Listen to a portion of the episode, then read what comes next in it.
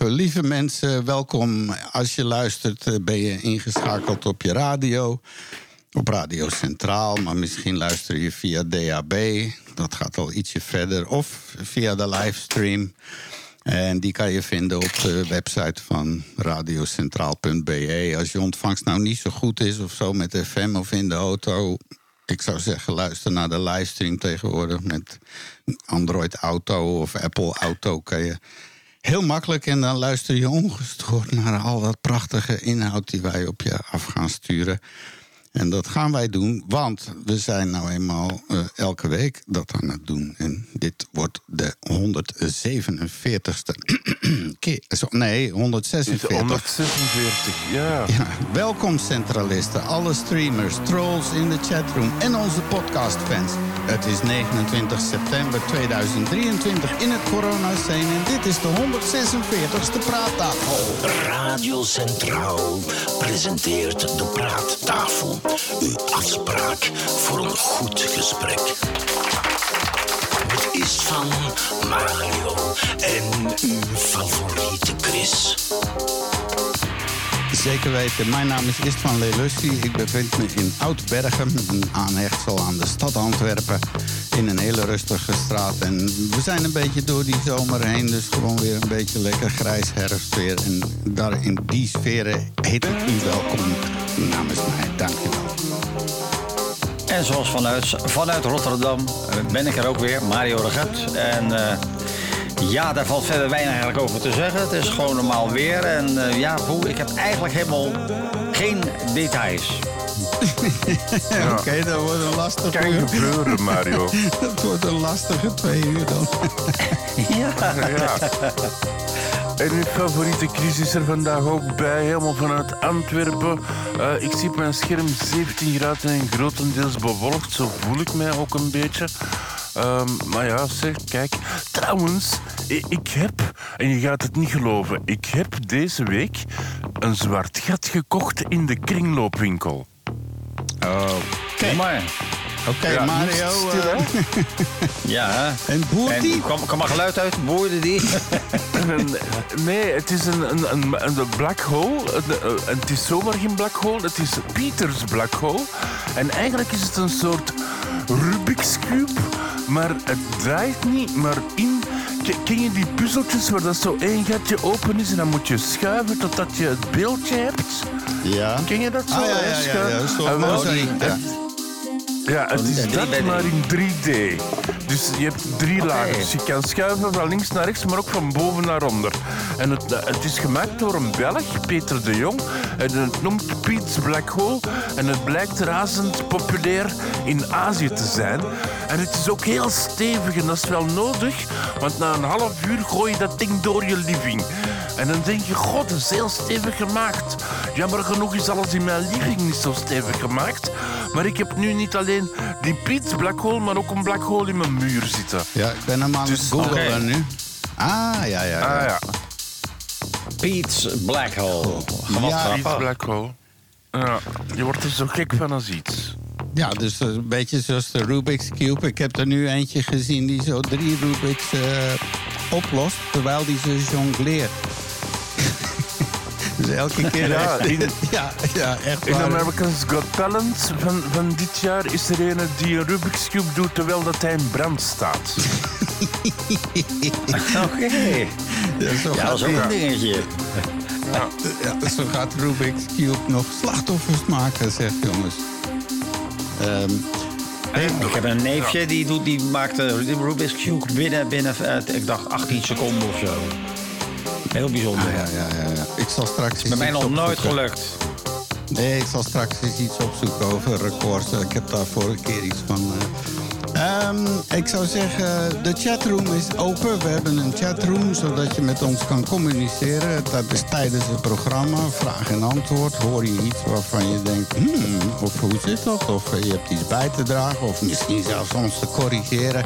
Kom naar praattafel.be, klik op de rode knop. He, dat kan op de gsm, dat kan op tablet, dat kan op de computer. Eigenlijk alles wat. Alles waar een knopje aan zit. En, en internet ja, maar, en stroom heb je nodig. En dat is, Dat is ook voor de quiz, hè, is het van. En, en als je het dan over de quiz hebt, dan moet ik weer de vraag stellen: wie van de drie? Allee, welke quiz hè, gaan we doen? Is het, is het deze week weer de Beren Boudewijn? Of kiezen we toch voor de popquiz? Of gaan we terug naar de drie, Trivia eh, eh, Genius Edition? Wat gaat het worden? Ik Mama, zou, vertel. Ik, ik zou nu voor de popquiz eh, gaan, denk ik. Ja? En wat zegt eh, Mario? Een, een bioquiz. Die hebben we al gehad. Sorry, dat is te laat voor. Oh, nou ja. Nou ja, Ja, dat pop, weet ik jij niet. hebt professioneel in de popmuziek gezeten, Mario. Dus, eh, eh, Ja, maar, dat, maar het punt is, ik heb al die popliedjes uitgeschreven, maar dat is niet blijven hangen. Want dat, mijn interesse was daar niet zo mee bezig. Mijn interessesfeer lag anders, dus Nee, ik heb dat een beetje verdrongen. Nou, wie weet Ja, komt maar het met dan wat eh, hypnose Heb ik binnen. nog altijd geen antwoord op mijn vraag. Welke quiz wil je, Mario? Ja, eh, een, ja, een bio, nee, een wetenschapsquiz. Hebben we ook nog niet Een gehad. wetenschapsquiz. En ik, quiz, ik, ik kies voor de popquiz. Dus jammer genoeg, Mario, het wordt de popquiz deze week. Nou, dan heb ik echt een probleem. Maar goed, oké, dan eindig ik wel weer als mag laatste. je toch niet de Genius Edition? Ja, dan? maar dat zeg je altijd, maar vorige week ben je gewonnen. Ja. Maar dat ja, was de ja. Berend Boudewijn quiz, toch? Ja. Ja, die, die, dat is dan... Daar ben ik mee Kinderquiz, daar kom ik heel. En dat met allemaal multiple choice. Maar daar moeten we het na de show eens over hebben. Want er is een projectvoorstel om daar iets mee te gaan doen. Nou, dat was een heel boeiend onderwerp. Maar na de show. Eh, de chatroom is dus open. Schuif aan aan tafel. En het hoogtepunt natuurlijk van die chatbeleving is om 12 uur. Want dan hebben we de quiz van onze favoriete Chris. En zoals je het net gehoord hebt, het wordt een popquiz. Dus het gaat over popzaken. Popnagels, eh popnagelmachines, en popnagelgroothandelaren. Eh, Puisjes poppen. Puisjes poppen. Poplodies. Ja, en, eh, en die... popt. En, eh, ja, en die dame die op een van die kanalen, eh, TLC, de, de pimpelpopper. De pimpel. De, wat een onsmakelijke naam. Ja, ik... eh, Heb je die nooit gezien? De pimpelpopper? Nee, maar dat is iemand dus die puisjes uitknijpt. Ja, een vuist is soms zo groot als een ki- kinderhoofd, weet je wel. Mensen die... Oh my god. tv-programma. En dan maak, ja, dat is allemaal van die ranzen. Dat is TLC natuurlijk. Ja, dat, zijn, dat, dat is is zo'n een- raar programma van de, de vrouw van 500 kilo. En help, mijn, mijn, mijn zoon is een voetschimmel. En de 25 afgrijzelijkste aanbijen en zo. Dat, dat, is, dat is geen tv, daar moet je niet naar kijken. En, en TLC staat voor The Learning Channel. Dat was ooit eens begonnen. Oh my God. ja, echt waar. Maar al heel gauw hadden ze in de gaten dat er geen droogbrood meer te verdienen. Nee. Dus ze Ja, al die ja. eh, My 600 Pound Life en eh, al die mensen. Ja, de zo- Food Doctor. Oh, de freak show. Nou, het is de moderne freak show. Ja. Vroeger hadden we de kermis en de vrouw met de baard. En tegenwoordig hebben we TLC. Ja. Zeker weten. Lieve mensen, we gaan er gauw aan beginnen. Eh, er is namelijk heel veel te doen. Eh, even kijken, juiste knopje erin. Zeker, een volle tafel in het nieuws. Dadelijk ga ik zo vertellen. Biomimicry, dat is zo over 25 minuten, 20 minuten. Over ribbels en structuren.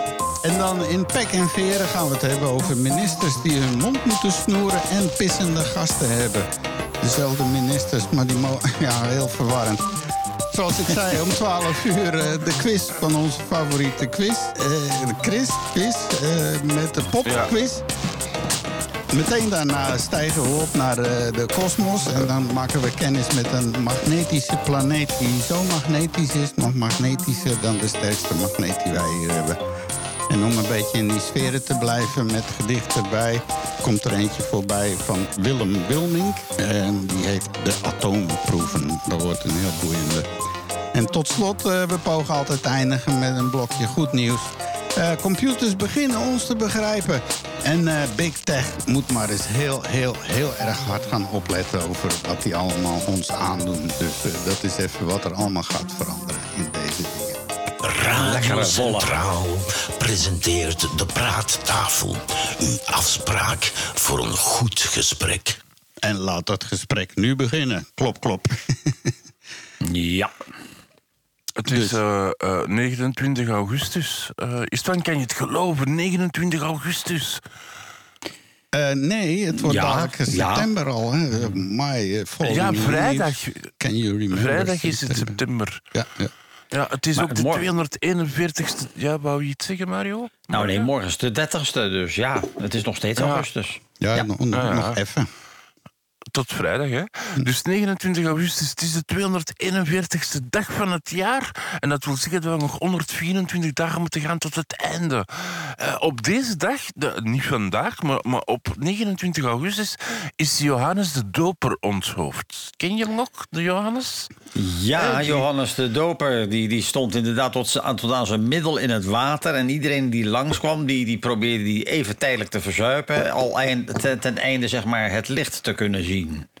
Ja, inderdaad. En, en waarschijnlijk was de dochter van Herodes eh, het moe. En, en zij had gedanst voor gasten in, in, in, het, paste- in het kasteel. En, en koning Herodes zegt: Oh, dat was zo goed. Je, je krijgt wat je maar vraagt. Vraagt maar, je krijgt het. En zij zei: Ik wil het hoofd van Johannes de Doper op een gouden schaal. Ja.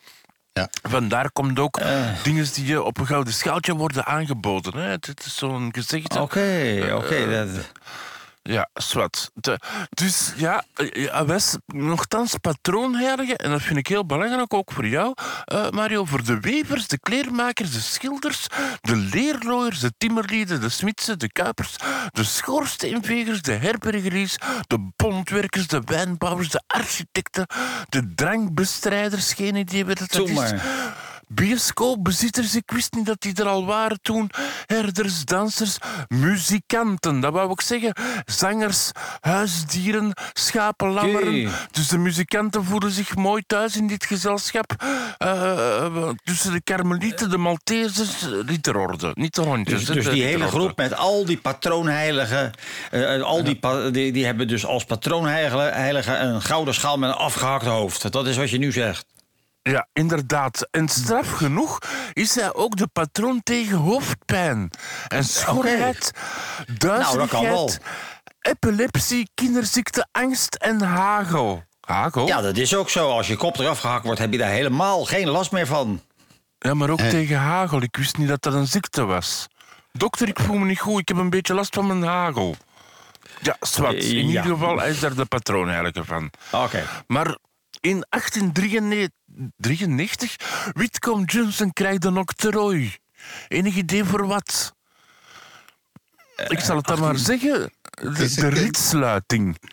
De Ja. ritsluiting. Ah. Laten we maar nu, niet gaan quizzen, weet je wel zeggen. Maar Niet gewoon- quizzen. Ja. Ja, Nou ja, daarom dat- dat ik het ook meteen zei. hè. Het is de ritsluiting. In 1949 het Koning Wilhelmina Fonds voor Kankerbestrijding wordt opgericht. In 1990 in Wenen worden door tien olieministers van de OPEC een akkoord bereikt om voor de duur van de Golfoorlog de overeengekomen productieplatform voor olie op te heffen. De prijs van een vat ruwe olie daalt zo met ongeveer 2 dollar per vat. Ik heb geen idee wat het de olie momenteel staat, maar ik vrees dat het Rond meer is dan 2 90 dollar per vat. dus weer aan het ja. ja. Ja. 2020 voor de tweede keer, maar na 19 jaar wint een kandidaat, en dat is eh, Henny uit Lelystad, 1 miljoen euro in het tv-programma Bankgiro Miljonairs. Ik weet niet waarom dat ik dit vertel, maar kom, het stond er gewoon bij. Eh, vandaag is de internationale dag tegen kernproeven. En, en morgen is het de internationale dag van de vermiste en de internationale dag van de walvishaai. Het is ook trouwens morgen tub... Ik weet niet of ik het juist kan spreken. Hè. Tubaf. tu- Tubaaf. Tu- Tubaaf. Ik weet, het is geen quiz. Enig idee wat dat tubaaf is? Tubaaf? En Ik zal het maar in... eh, Tubaaf... Ja, ja tu- tubaaf. Ik weet niet eens wat je zegt. Ja, Tubaf. Het is de Joodse Valentijnsdag. En dat is morgen. Ja, dus... ehm, Ah, Oh ja, en dan, dat ken ik. Ja, alleen in plaats van, van eh, dat, ze dan, eh, dat dan zo'n man een roos stuurt, dan stuurt hij eigenlijk zeg maar een paar witte kousen en een, malle jas. ja, denk een, ik, een hoedje. Een zo'n maf hoedje. Ja, oké. Ja, zo'n zo, Donderdag? 15 liter versie. Ja, donderdag is het de dag van de watermeloen, want die hebben ook een dag nodig. en vrijdag is het... Ja, het broodhamenzakje komt er ooit nog aan, Mario, ik beloof het. Eh, vrijdag, oké. is de eerste, vrijdag is de eerste september en dan moet iedereen terug, in België althans, naar school. Zelfs ik. Ik heb mijn eerste dag school, vrijdag. En eh, het is ook de Belgian Bierweekend begint dan. En in Rotterdam is het de Wereldhavendag. Ja. En dan zaterdag is het de internationale dag van de kokosnoot, want die heeft ook een dag nodig. En de internationale dag van de baard. En dan te eindigen op zondag. Zondag is het de Europese dag van de Joodse cultuur. En dat is op zondag omdat eh, zaterdag sabbat is, hè, dan mogen ze niks doen. Hè. Dus ja, dat was het zo'n beetje voor vandaag, oké. denk ik. Ja, ja. Nou ja, dat is interessant. Ja, ik weet zeker. niet of je al intussen eh, kans hebt gekeken om naar die Shalom allemaal te kijken. Want dat is toch wel- was wel een hele verhelderende eh, serie documentaires over, over het leven in dat, van eh, ja, mensen. in- Ja, Dat, dat, heel, heel, die, heel goed waanzinnige, dat, ja, die waanzinnige regelgeving daarin. 613 wetten zijn er, 613. That's Ja. it. En, eh, dat is helemaal simpel. Dat is van wanneer je je nagels mag knippen, waar je ze mag Ja. knippen, met wat je ze mag knippen. Persoonlijk denk ik dat als God bestaat, dan lacht hij zich helemaal knettergek. Maar goed, oké. Ja, maar s- Zij geloven niet in Jezus, dus va. Maar daar woon ik dus, hè, Mario. Ik woon daar middenin, hè. Ja, dus we moeten heel serie, goed opletten. Ja, Ja, levensgevaarlijk. Eh, Het word je neergeslagen door een pijperkrul. Dat, ja, oké. Ja, maar eh, zelfs, mijn, Ja. zelfs mijn huisbaas doet mee in die serie. Oké. Ja. Ja. Ja, je hebt daar een, een man en ze moeten zo loofhutten. En dan is er ene en die heeft zijn loofhut in zijn huis. Dat Mhm. is mijn huisbaas. Wat is een loofhut? Want ik zie het wel in de agenda vaak staan. Dan is het loofhuttendag. Ja. Maar ik heb nooit echt goed begrepen wat dat dan inhoudt. Dan zitten ze buiten, dan mogen ze niet in hun huis. En dan zitten ze buiten. En, en ja, wie weet dat? Wat eh, weten ze het zelf wel wat het eigenlijk inhoudt? Ja, het, komt allemaal van de tijd van Mozes. En, eh, want eh, alles draait en begint over hun ontsnapping aan de slavernij uit Egypte. Hè? En de uittocht met Mozes door de Rode Zee en dit. En dan 40 jaar door die woestijn daar. ja, ze hadden toen nog geen GPS waarschijnlijk. Eh, Het is wel een grote woestijn, maar 40 jaar. eh, eh, maar goed. Ja, en dat was het idee. Maar omdat Mozes ooit iets had getwijfeld over de Heer, mocht hij het beloofde land zien. Maar hij mocht er zelf niet in. En toen zijn de, de Joden daarheen getrokken. En toen is eigenlijk op pagina 6 van de Bijbel is het gedonder met de Palestijnen begonnen. Dat waren toen nog de Filistijnen, zoals wij dat op school hadden Ja, geleerd. alles gaat naar de Filistijnen. Ja, maar dat Ja. zijn Palestijnen. Het is gewoon Yes. hetzelfde woord. Want in Ja, Turkije ja. eh, zijn de Palestijnen Filistien. Filistien. Ja. dus, dus ja, dat begon allemaal daar eh, zo heel vroeg al. En dat heeft eigenlijk al die tijd eh, daar eh, ja, Ja. tot, eh, tot eh, een- een hevige situatie. En dan vooral na de Tweede Wereldoorlog, toen ze daar massaal teruggingen, diegenen die het overleefd hadden van de, de Holocaust. ja, en dan had je daar die toestand met die Engelsen, hebben ze eruit gegooid. En toen werd de Joodse staat geboren, zeg maar. Ja. Nou, dat was een besluit van de Verenigde Naties. Die iedereen had zo te doen met die arme Joden in verband met de Tweede Wereldoorlog. Dat, dat iedereen vond dat ze toch recht hadden op een eigen land. En met Ja, ja. een meerderheid van stemmen is toen inderdaad eh, Palestina geconfiskeerd. Dat, dat, dat dit zo goed eh, Friesland kunnen zijn. Heel bijzonder vind ik dat, maar goed. Nou ja, maar in Ja. die zin dat dat dan natuurlijk wel hun, eh, net zoals Friese naar Friesland zouden trekken. Het is wel hun waar ze vandaan komen. Ja, maar daar, kan je wel iets van. Zeker, maar, maar als je zegt dan oké, dan, dan heb- heb- heeft een volk het recht om gezien zijn geschiedenis eh, een claim te doen van 2000 jaar oud. Ja, dan, moet- Moeilijk. dan moet je eens kijken wat wij dan kunnen claimen als we, als we 2000 jaar geleden eh, kijken, toch? Ja, ja maar... En wie maar- bedoel je met wij? Wie, wie- Nou, wie eh, de- wij? half Europa. eh, de- denk aan de, de rijken die zijn geweest. Het Ottomaanse Rijk. eh, het- je hebt natuurlijk eh, de, door het Romeinse Rijk gehad in die tijd. Met, met, eh, er is heel veel eh, eh, geschoven. Alleen, inderdaad, alleen. Zij die mogen dus 2000 jaar teruggaan en om, eh, om een claim. Eh, en dat, dat is eigenlijk wel je. En dan worden dus zeg maar eh, Palestijnen van hun land verdreven. die daar al eeuwen een, een, een olijfboomgaard hebben of zo. Maar ja, eeuwen zijn geen twee millennia. Dus ik, ik heb daar wel moeite mee. Ja. Nou ja, op 14 mei vieren de Joden zeg maar hun onafhankelijkheidsdag. Want dat was de dag dat de Joodse staat werd eh, afgekondigd. Omdat de Britten hun mandaat werd, eh, was afgelopen. En, Ja, het eh, Balfour, het, eh, het akkoord- de, de Balfour-verklaring was dat volgens mij. Ja. Ja, hier, blablabla.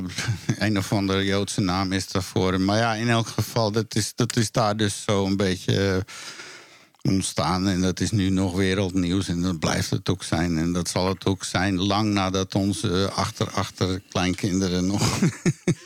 Ik vrees, Wie zal het vrees zeggen? ervoor dat dat eh, gewoon nooit weggaat.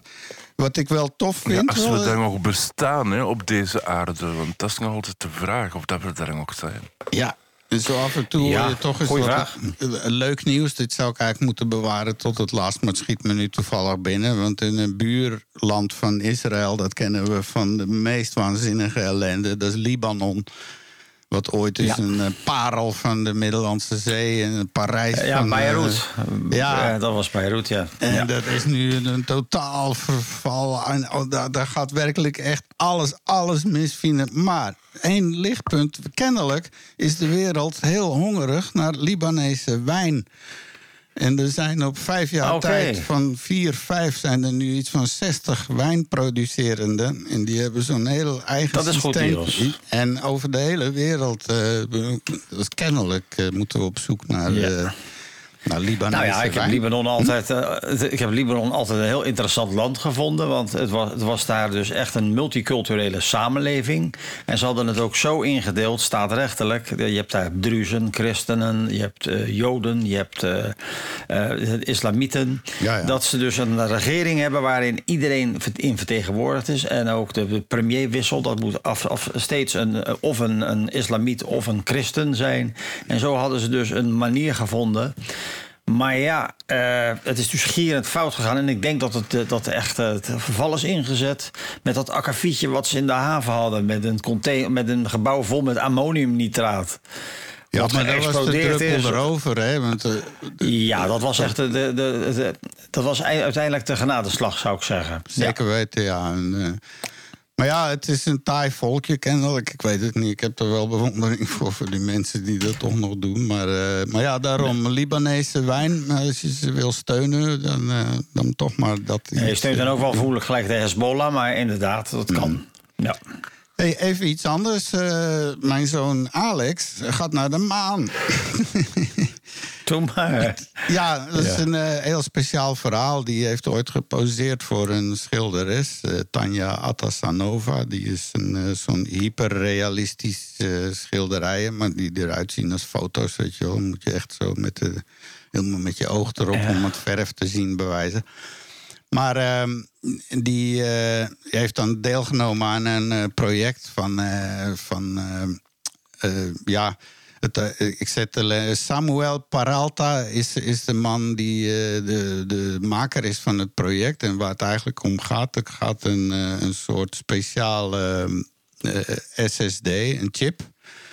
Gaat er mee met een ruimtevaartuig die uiteindelijk op de maan moet gaan landen. En op die chip staan 30.000 kunstwerken. En dat is zo'n manier om, ja, dus. En dan voor alien archaeologists to decode. Dus als dat ding ooit eens gevonden wordt, want ja, op de maan kan zo'n ding de duizenden, tienduizenden, misschien nog wel langer blijven bestaan zonder dat daar veel mee gebeurt. En, die, en deze chips zijn niet gewoon die, van, eh, die je bij de Albert Heijn haalt, maar het is toch wel een zeer speciale geheugenchip. Maar eh, ja, dat ding wordt daar neergezet en daar staat werk op van eh 30.000 artiesten, filmmakers, schrijvers en muzikanten. En uh, Ja. the world is on fire, zegt hij today. And if it ceases to exist, the moon is the one place safe from all these where a time capsule may survive. En dat is waar. En een echte tijd. Over tijdcapsules, ik weet niet of je dat nog meegekregen hebt. In Amerika en, eh, hadden ze een beeld moeten vervangen bij een eh, universiteit Stanford, geloof ik. Een heel oud ding uit 18. En bij het weghalen zat er een lode doos onder. Dus kennelijk een soort Ah, een tijdcapsule. tijdcapsule. Dat moet Ja, uit ja. 1810, 20. Nou, dat werd dan een maand lang opgeklopt. En eh, dan werd het met grote pers en met alle camera's en iedereen, je kent al wel, gaan ze dat openmaken. En dat duurt dan en allemaal kijken en spanning opbouwen. En ze haalden er Ja. een, eh, een, een flinke kop modder uit. Ah ja. ja. Was gewoon leeg. Ja. Eh, Nee, maar ik doe me een beetje denken aan die safe die ze gevonden Ja. hebben in de Titanic. Dat was ook zoiets. Zeker weten. Ja. Nou ja. Oh. Maar als ik het dan goed begrijp, is het van... Jouw zoon Alex, is dat een kunstwerk dat, dat dan meegaat naar de Ja, maan? dat is een dat portret dat van hem Want je hebt gemaakt. dat niet gezegd. Ja, ja, er is een portret van hem gemaakt. Dat is een schilderij. Dat is nog zelfs eh, te koop, denk ik. Ja, maar dat is nog even buiten ons budget om dat aan te schaffen. Maar eh, ja, dat is toch een goede, een dikke anderhalve meter op een meter. Dat is echt een flink groot ding. Ik, ik zet wel een link in de show notes op de praattafel. Hè? Dat is onze Ja. website waar je achteraf alles terug kan vinden. En kom naar de chatroom, mensen. Naar praattafel.be, rode knop chat. En eh, join Ja. us in de room, weet je wel. Eh, ik heb wel slecht nieuws als mensen geïnvesteerd hebben in een B&B bij het monster van bij, bij- Loch Ness in Schotland. Ja. Ik Ja. denk dat die toerisme-industrie daar een flinke knauw gaat krijgen.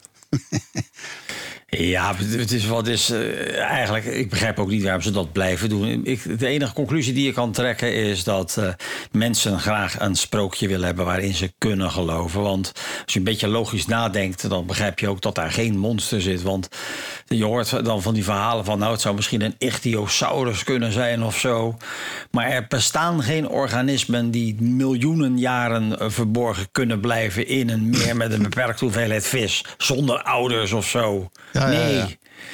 Eh, dus dus eh, al- als daar een monster in zou zitten, dan moeten er meerdere zijn.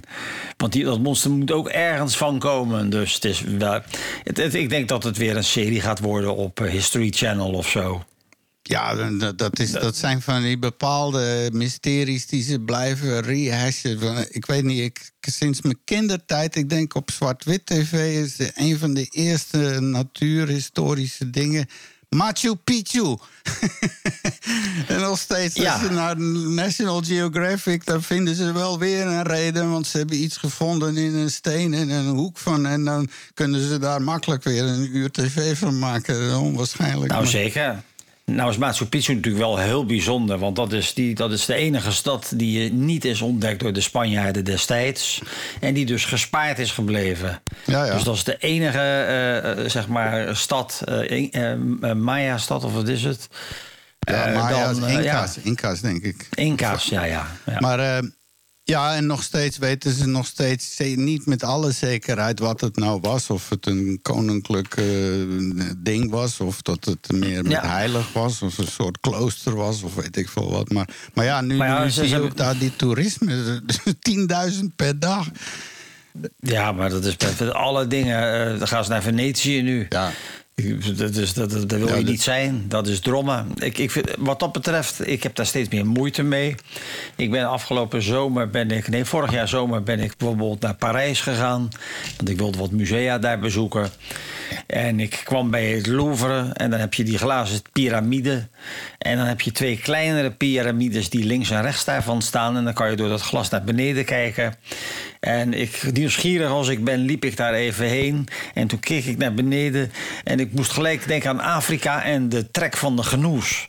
Want je zag dus drommen, drommen toeristen die aan het schuifelen waren als een soort baan door dat museum. Ja, en ik denk, daar gaan wij niet heen. Nee, nee. Nee. Nee, ik Dus was in het is te druk. Ja, in Venetië ook zagen we die plein. eh, we kwamen zo de Ja, plein oplopen langs die kerk. Ja. En er stond zo'n Ja. rij aan te schuiven. En ik dacht van, oh, kijk, hoe ver gaat dat? En op een gegeven moment ging dat om de hoek. En dat waren dus rijen van vijf, zes mensen naast elkaar. Een hele dikke, brede rij. Ja, Eh, dat was ja, gewoon ja. 200 meter en die staan daar dan allemaal. En die lopen dan zo door die kerk. Die mogen niet eens stoppen of dit en zo. En dan Nee, ja. Nou ja. nee dat, is, dat, dus dat is helemaal niet meer aantrekkelijk, dat, dat soort toerisme eigenlijk. Maar je is- ziet nu overal, moet- ja, net zoals in Amsterdam, sorry, meer en meer eh, beweging tegen dat massatoerisme. Meer en meer eh, Ja. gemeenschappen. Nou ja, als, als, als diep trieste punt, een tijdje geleden, je hebt dan de Kalverstraat. eh, dat is ook zo'n.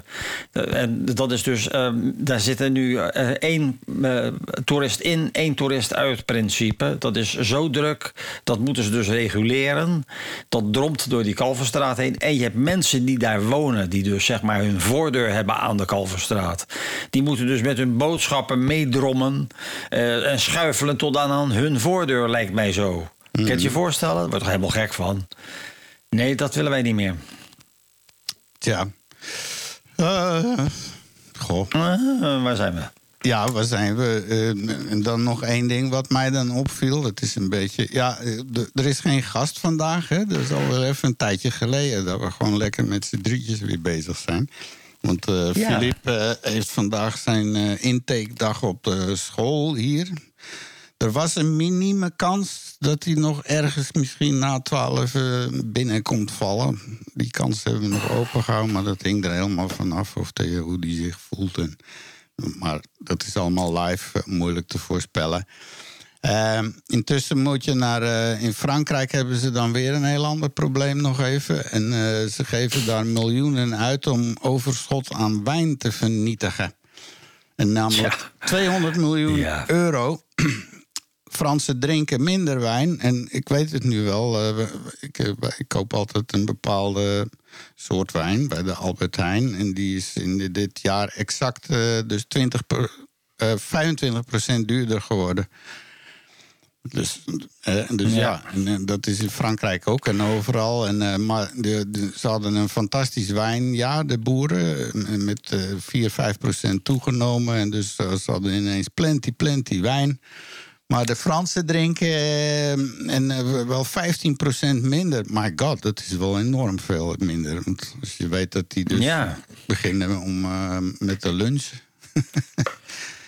Ja, dat is zeker. Maar ja, het is, het is triest, want dat doet, dat toen moet trouwens een beetje denken aan de Boterberg in, in de jaren 70 in Nederland. Met die overschotten, dat de, boter, dat de Boterberg werd vernietigd. Om maar de prijs omhoog te krijgen. En uiteindelijk eh, vind ik dat toch een naar idee dat je dus voedsel, ook wijn is voedsel natuurlijk, eh, dat je dus voedsel eh, gaat vernietigen om, om de prijs te beïnvloeden. Ja. Dat voelt erg naar aan, moet ik zeggen. Ja, ze gaan dus de, de alcohol er wel uit recupereren, want dat is iets waard. En dat, dat krijgt dan een Ja. soort herbestemming, namelijk als desinfectiemiddel, Schoonmaakproducten. en parfums. Ja, daar zitten we nou echt op te wachten.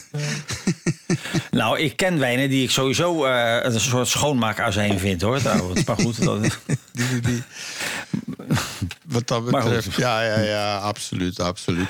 hey, eh, ja, het is een aangename, rustige tafel zo. Ik zou zeggen, kom aan tafel in de chatroom, lieve mensen. Praattafel.be. En eh, doe mee in de chat. En ondertussen laat ik nog eens even weten wat wij aan het doen zijn. Welke moet ik dan doen? Eh, oh, deze. luistert naar Radio Centraal op FM 106.7,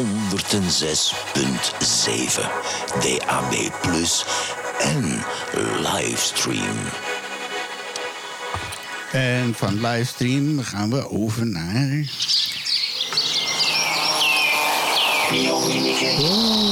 Kunnen leren van de natuur. ja, Nu een beetje structurele informatie door Mario. Hey. Ja, ik wilde het uh, vandaag hebben over de waterlelie. En om precies te zijn, de Victoria amazonica. Dat is de grootste die er bestaat. Dat zijn bladeren, ze zijn allemaal kastanjebruin als ze het wateroppervlak bereiken. En maar ze worden langzaam maar zeker groen.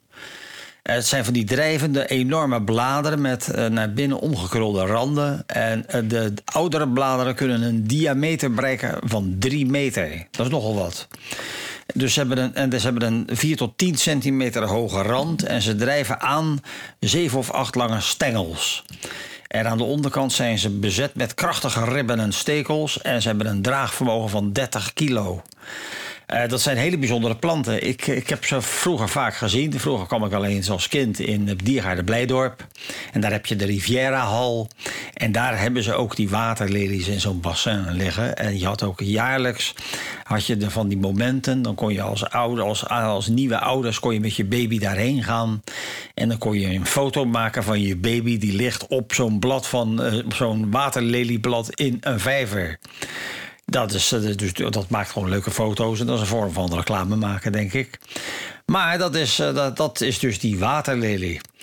En hoe werkt dat? Hoe groter een blad is, hoe meer oppervlakte je als plant hebt voor fotosynthese. Dus uh, dat heeft hij redelijk gemaximaliseerd. Maar het is natuurlijk ook wel weer een, het heeft ook wel weer nadelen. Want uh, kijk, het, voordeel is natuurlijk dat je weinig concurrentie hebt als plant. Want boven water groeit niks. Dus, dus je hebt dan eigenlijk altijd maximale uh, fotosynthese. Maar er is weer veel schade door dieren die de bladeren gebruiken om de rivier over te steken. Dus dat heeft uiteindelijk geleid tot een aanzienlijk ondersteuningssysteem aan de onderkant, waardoor ze die bladeren inderdaad dus 30 kilo kunnen dragen. Het is dus een soort handige oversteekplaats geworden voor dieren tot 30 kilo en het, blijft gewoon drijven. Hm. Maar uh, wat hebben wij daaraan? Je hebt de zogeheten, uh, je hebt zeg maar de, de Biomimicry Institute of Global Design Challenge. Er is dus een soort wedstrijd. En ik heb, ga het nu hebben over een van de winnaars van 2021. Dus een, een finalist van die Design Challenge.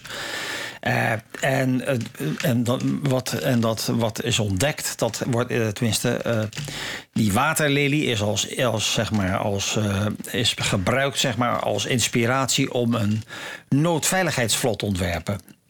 Want ze zijn dus met een, met een product, product hebben ze ontwikkeld met de naam Relief. En dan Leaf met L-E-A-F, dus herblad zal ik maar zeggen. Uh, maar ze hebben dus een noodveiligheidsvlot uh, ontworpen dat naadloos in steden kan ge worden geïntegreerd en dat door burgers kan worden gebruikt ten tijde van rampen. Met name tropische en dichtbevolkte landen zoals de Filipijnen hebben vaak het hele jaar door regen en worden regelmatig het slachtoffer van overstromingen en tyfoons. Wij, zeggen uh, orkanen, zij zeggen tyfoon. En met name op de Filipijnen is dat meer dan de helft van het aantal rampen heeft te maken met die enorme stormen en tyfoons. En die, ze treffen dus 80% van de mensen. En 76% van het aantal doden. En het is een hele dure grap. Dus wat, was, wat, wat hebben ze, die waterlelie hebben ze dus gebruikt als een soort uh, inspiratie. Want ze wilden dus een object maken wat je, in een hele, uh, wat je zeg maar overal kunt vinden en wat ter plekke getransformeerd kan worden tot een vlot wanneer het weer eens overstroomt.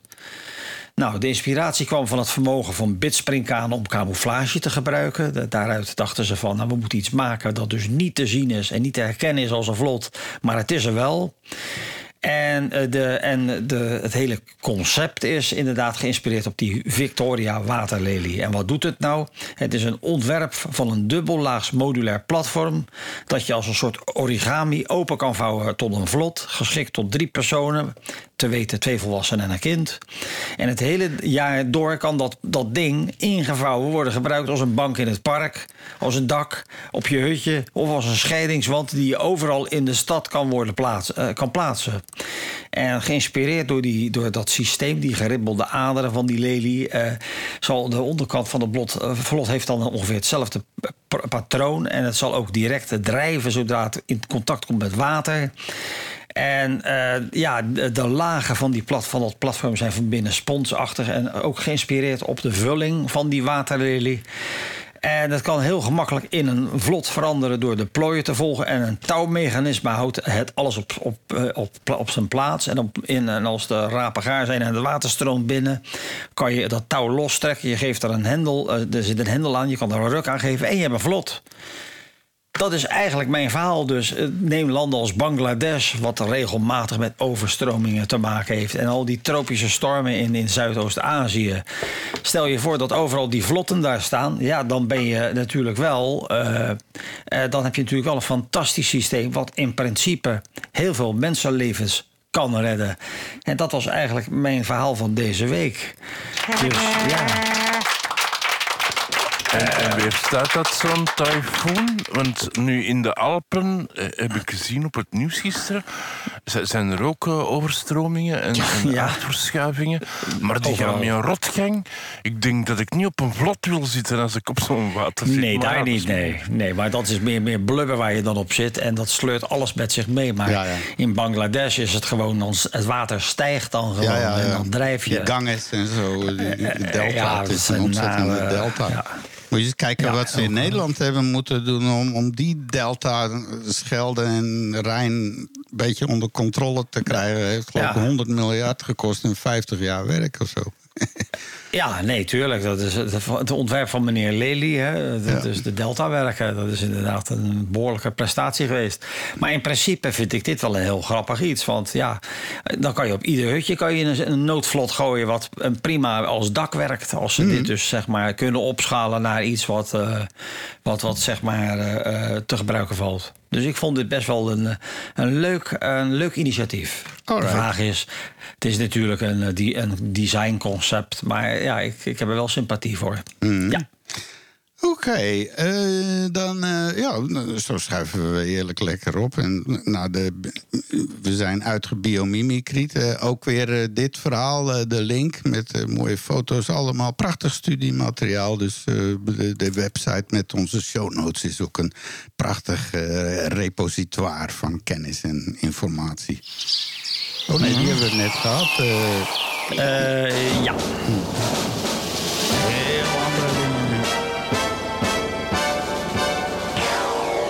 En veren deze keer. Wie kritiek heeft, moet opstappen, was de titel. Ministers voortaan gebonden aan nieuwe deontologische code. Dus de ministers van de federale regering hier vallen voortaan onder een code die verbiedt hen namelijk om openlijk kritiek te geven. ja, dit is lachen. Op Dat is een regeringsstandpunt. Ja, want waarom? Deze regering die sputtert kennelijk vanaf het begin al. Want het is een beetje een los samenhangende Vivaldi, eh, ja, een soort Belgische uitvinding weer, een coalitie.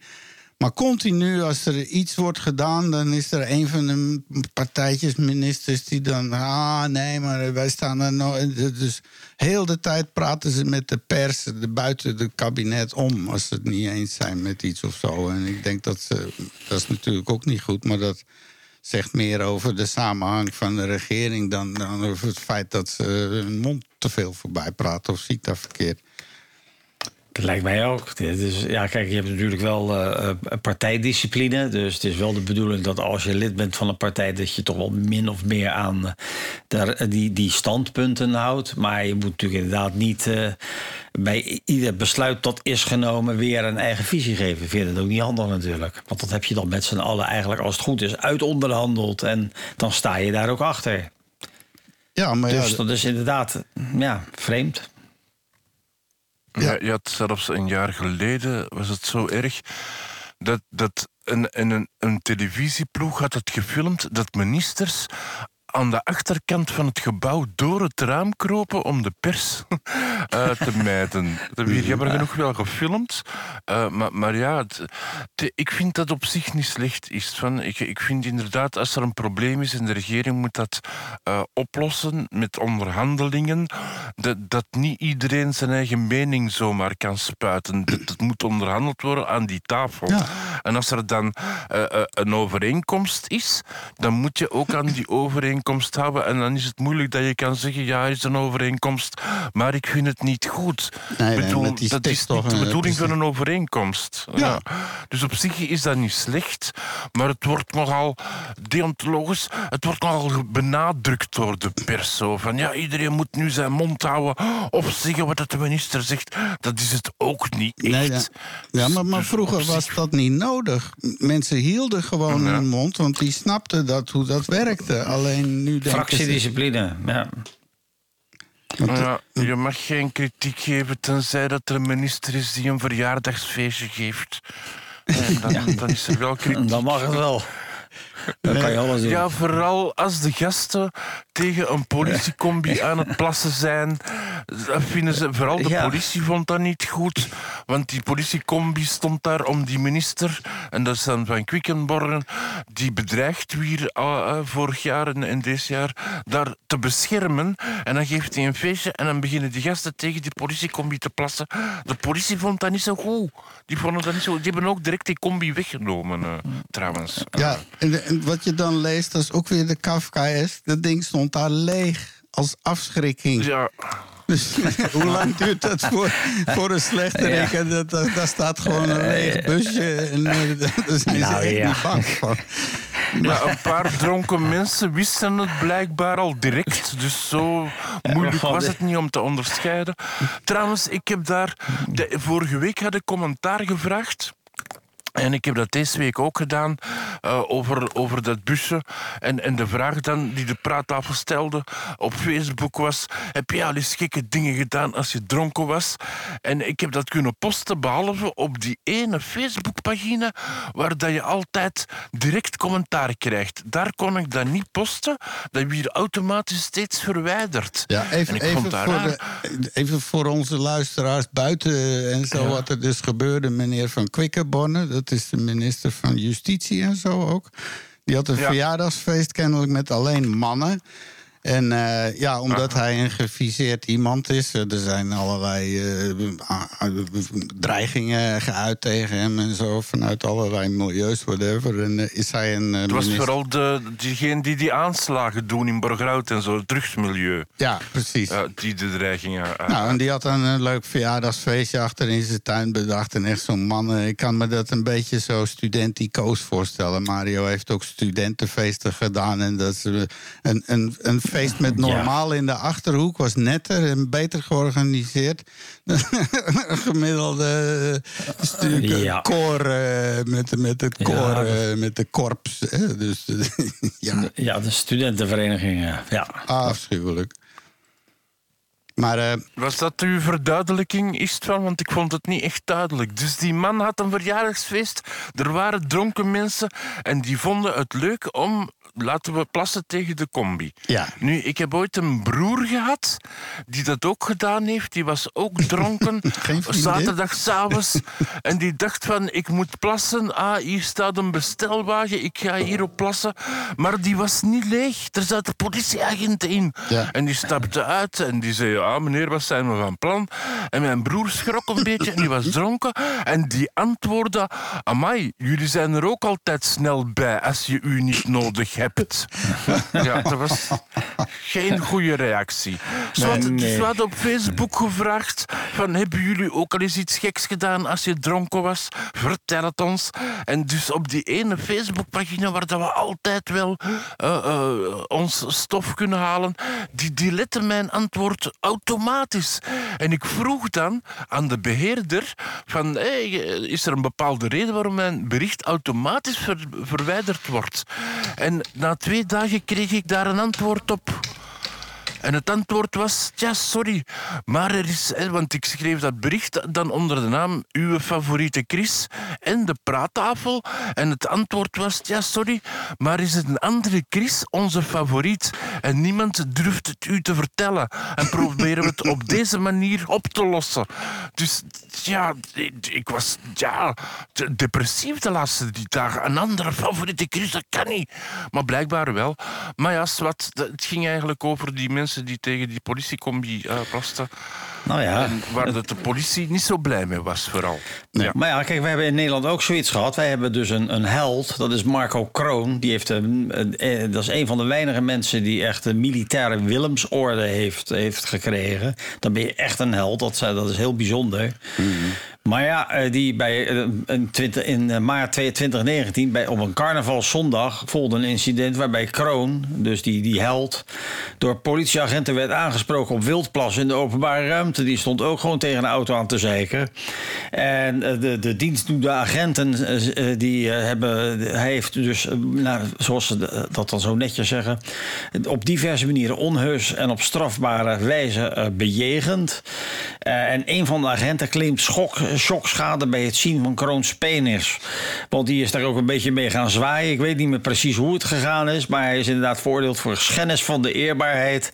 En zo kan Eljan heeft dus ook een kopstoot uitgedeeld. Uh, het OM heeft ook een taakstraf geëist. En dat is dus zeg maar een, een, een held die dus zeg maar, uh, zeg maar uitgezeken was. Dus ja, met, met dat kan gebeuren. Ja, ja, als je moet gaan, dan moet je gaan. Hè? Dat, dat is zo. Ja, maar dan geef je niet de agent de kopstoot en ga je niet zwaaien met dat ding. Dat is niet zo handig natuurlijk. Ja, dat Zal zwaaien, iedereen dat weet ik nog niet, maar die kopstoot was er wel over, ja. Ja die Ja, militairen dus dat- dat- zitten vol adrenaline en eh, een zeer alfa-mannetje en zo. Zo zag ik laatst iets in Australië. Dat was ook de oorlogsheld die in eh, Afghanistan zo kameraden had gered. En eh, hij was zo'n icoon en hij was op tv en model en alles. En een aantal jaren hebben een aantal schrijvers en journalisten zitten graven. En het bleek dat hij dus eh, daar eh, on- onschuldige Afghanen heeft eh, doodgeschoten. En heeft afschuwelijke dingen gedaan. Totaal ontroond en zijn Medal of Honor van Australia afgepakt en alles. Dus ja, het kan zomaar verkeren. Maar dat is ook door ja. onderzoeksjournalisme. over- Ja. Over oorlogshelden gesproken. Pi- Pirogen, zou, hem echt dood zijn, denk je? In Prigozhin. Ja. Ja. Ze hebben het DNA is vastgesteld. Dus het is Ja, ja, maar on- ja. vijf jaar geleden was hij ook dood. eh, eh, en dan is hij twee dagen later van... nee, nee, ik leef nog. Maar dus Ja, oké, maar dat was toen nog niet bevestigd. zijn. Ja, ja, ja. ja, het is Nou ja, kijk, Zou eh, het- was een die- klassieke Was het denk ongeluk, dat- denk je? ik denk dat we het allemaal hebben verwacht. Nee, natuurlijk niet. Dead Man Nee, ik- Walking ik- ik-. Ja, het is een dead man walking inderdaad. Hij heeft gekregen wat, wat, wat, wat men kon verwachten. Als je dus inderdaad... eh, gaat het niet via een bomaanslag... dan gaat het wel met wat Novichok of noem het maar op. Het is inderdaad een heel naar gebeuren. En, eh, en je, oh ja, als je, zeker als je Poetin belachelijk maakt... wat eigenlijk in feite gebeurd is... dan heb je je doodsvonnis getekend volgens mij. Maar, zonder Ja, blik maar over... Poetin, Ja, sorry. He- heeft twee dagen later gezegd dat het een held was hè, voor ja. Rusland. Ja, tuurlijk, want hij moet Ja. een boel kalm houden. En trouwens, Poetin zit er dus niet mee om daarnaast ook met heel die handel... ook die drie, eh, de piloten en de stewardess gewoon... ja, dat is Tuurlijk. van eh, randgevallen, daar, daar moeten we niet mee zitten. Collateral damage. Maar Ja. wat er nu aan de Ja. hand is, een, eh, een, een gevolg hiervan... er zijn nog namelijk een aantal andere kleinere privé-milities actief in Oekraïne... Ja. namens de Russen. Maar dat zijn met name bijvoorbeeld, er is één, uh, Roeseg... Eh, en dat zijn na- nazi's, dat zijn veroordeelde, dat zijn hele enge, vieze, eh, extreem rechtse griezels. En die doen daar ook hun werk, maar die keren zich nu ook tegen. Die gaan in eh, opstand en die weigeren om te vechten. En meteen eh, gaan de Oekraïners nu vooruit bangen. Ja, dit is echt, eh, dit gaat nog wat worden, jongens, allemaal. Nou ja, Poetin heeft ook gezegd dat al die milities, hij noemt het zelf anders, maar, maar wij zeggen milities, die, die, heeft ook gezegd dat ze dus trouw moeten zweren aan Poetin. En ja, en daar, daar zijn een hele hoop eh, van die, van die zelfstandige milities niet eigenlijk toe bereid. Dus dat gaat inderdaad wel een interessante periode worden. Vooral omdat hij ook inderdaad strategisch gezien wel zwaar op milities eh, leunt. eigenlijk. Eh, Ja, dus, dat dus, die- eh, zijn eigen leger, dat functioneert heel slecht. Dus. eh, Ja. Ik zou nog even aandacht willen vragen, want daar krijgt hij niet genoeg, hè, eh, Donald Trump. En, en Ik bedoel. en, ja, maar hij heeft ook een heel andere kant die, die mensen eigenlijk toch te weinig kennen. En, eh, dat hij Zijn lieve kant. ja, dat hij een heel bescheiden, innemend persoon is en ook goed luistert naar mensen. Dus ik heb hier een kleine samenvatting. Nobody knows this stuff better than me. Nobody knows more about taxes than I do and income than I do. Nobody knows more about construction than I do. Nobody knows more about campaign finance than I do. Nobody knows consultants better than me. I know more about drones than anybody. Nobody knows much more about technology, this type of technology, certainly, than I do. Nobody knows more about technology than me. I know more about technology than anybody. Nobody in the history of this country has ever known so much about infrastructure as Donald Trump. I know the H-1B. I know the H-2B. Nobody knows it better than me. I know more about ISIS than the, the generals do, believe me. Nobody understands the press, but I think I understand them as well as anybody. I mean, I know these people much better than you do. I understand things. I comprehend very well. Okay? Better than, I think, almost anybody. And by the way, who knew the other side of the picture better than me? I knew it. Nobody knows more about environmental impact statements.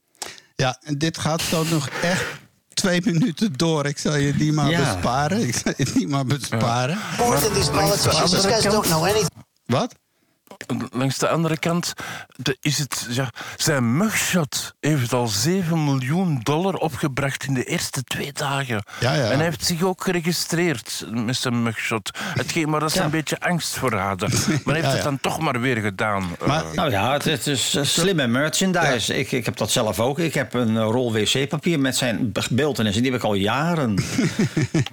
Hier, ik wil het even afmaken. Het laatste. I know a lot. I know more than I'm ever going to tell you.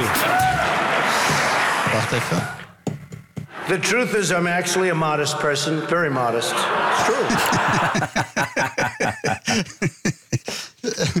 Arme Donald en Amerika en rep en roer. Maar De guy from the loony bin, ja. ja, en, Ach, ja. en toch, eh, ja, die- je hoort daar niks anders nu dan die advocaat. Hé, hey, nog één erg ding, dat greep me wel aan. Eh, Antarctica.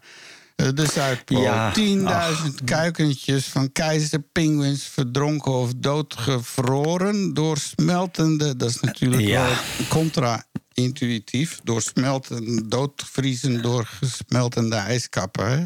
Nou ja, dat is heel, heel, heel makkelijk te verklaren. Het ijs Ja, is er voor niet jou. meer. Dus als, dat, als, dat, als, dat, als zo'n pinguïn geboren is... en hij is uit het ei geklommen... dan heeft hij nog geen waterdichte vacht. Dat heeft hij niet. Dus hij moet op het land blijven... totdat hij genoeg verenpak heeft... om eh, zeg maar, het water in te kunnen schuiven. Maar als er geen ijs is, is er ook geen land. Dus die eieren die gelegd zijn, zijn wel uitgekomen... maar die, die beesten die zijn in het water terechtgekomen. Ja, en dan vries je gewoon dood. Ja, dat is niet zo moeilijk. Dus dat is het eigenlijk. Dus dat is heel triest. Dus eh, ze, ze hopen nu echt dat, dat de normaal zijn eh, pinguïns heel erg trouw aan hun broedplaats. Maar ze hopen echt dat, dat, ze, dat de soort gaat migreren naar plekken waar meer ijs ligt. En dat zal dan nog, nog eh, dat zal dan ergens anders moeten zijn op plekken die wat minder hard eh, smelten. Dat zou dan de redding zijn, maar ik zie het somber in voor de keizerspinguïn. Ja, en eh, dat Ja. komt door ons, hè, alweer de, de global warming. Ja. Doordat het maar warmer en warming. de, de Ja. boel smelt onder een kont. En, en, eh, ja, dat is dat- oh, en, het, eh, en met name die pinguïnnetjes, die zijn zo zielig. Dat is echt iets voor eh, Greenpeace om zich weer eh, flink aan te Ze zijn heel erg knuffelbaar, dat is zeker zo. Zeker weten. Hey, ehm, even kijken hoor. We gaan een beetje promo maken, want Chris gaat zich afzonderen. Het is nu nog een paar minuten. Minja is al in de chatroom, lieve mensen. Kom erbij Ja. en kom erbij en doe mee. Mario mag er ook in. Wij zitten alvast Ik eh, helemaal klaar. aan Ja, daar ben ik Eh, al. Ah, Minia, inderdaad. Ja, over een paar minuten gaan we starten. Lieve mensen, je luistert naar de praattafel op Radio Centraal, op FM Stereo in Antwerpen en omgeving en op eh, DAB Plus in een iets grotere omgeving. En dan op eh, livestream in prachtig stereo te beluisteren. Overal ter wereld op deze hele planeet.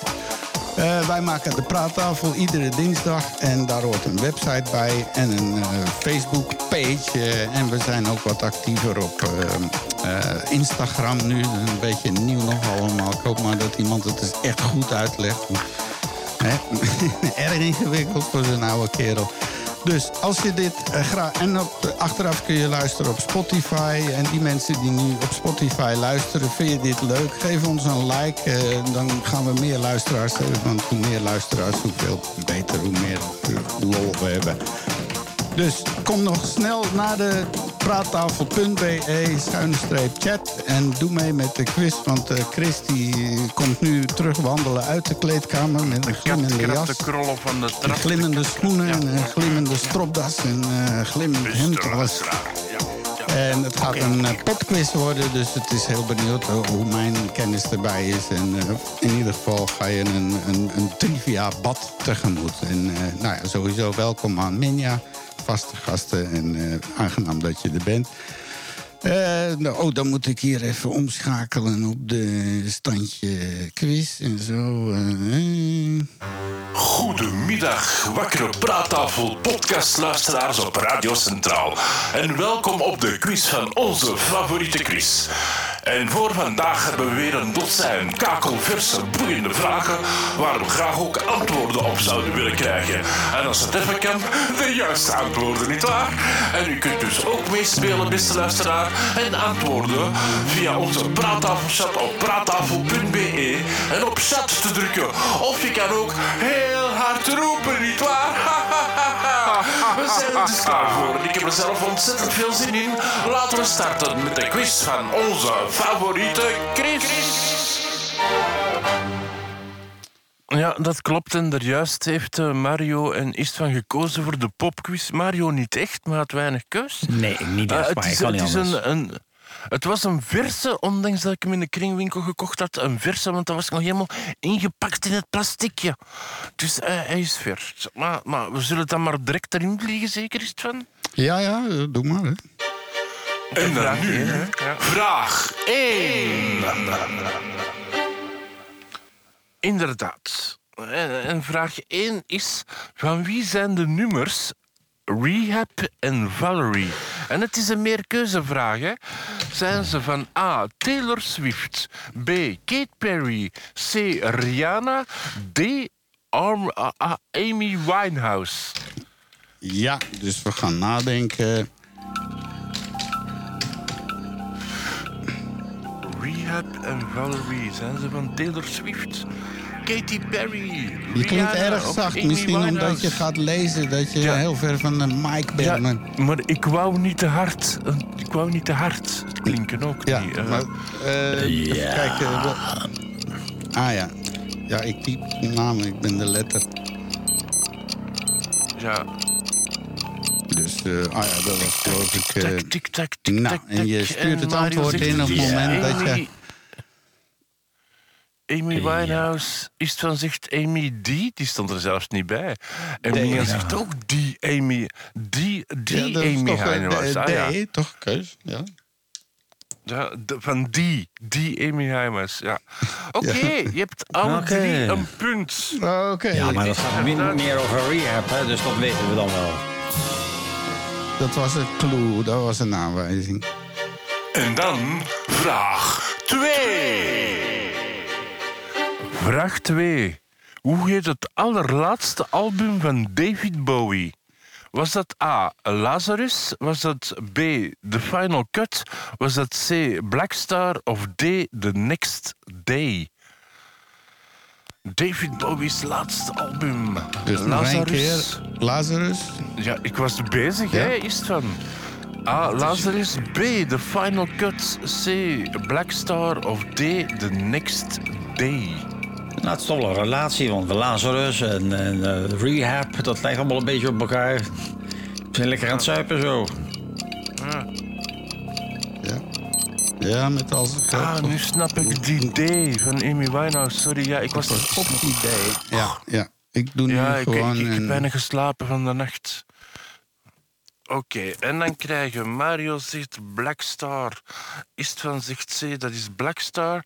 En Minja zegt Black Star. En alle drie een punt. Kijk, zo gemakkelijk is het.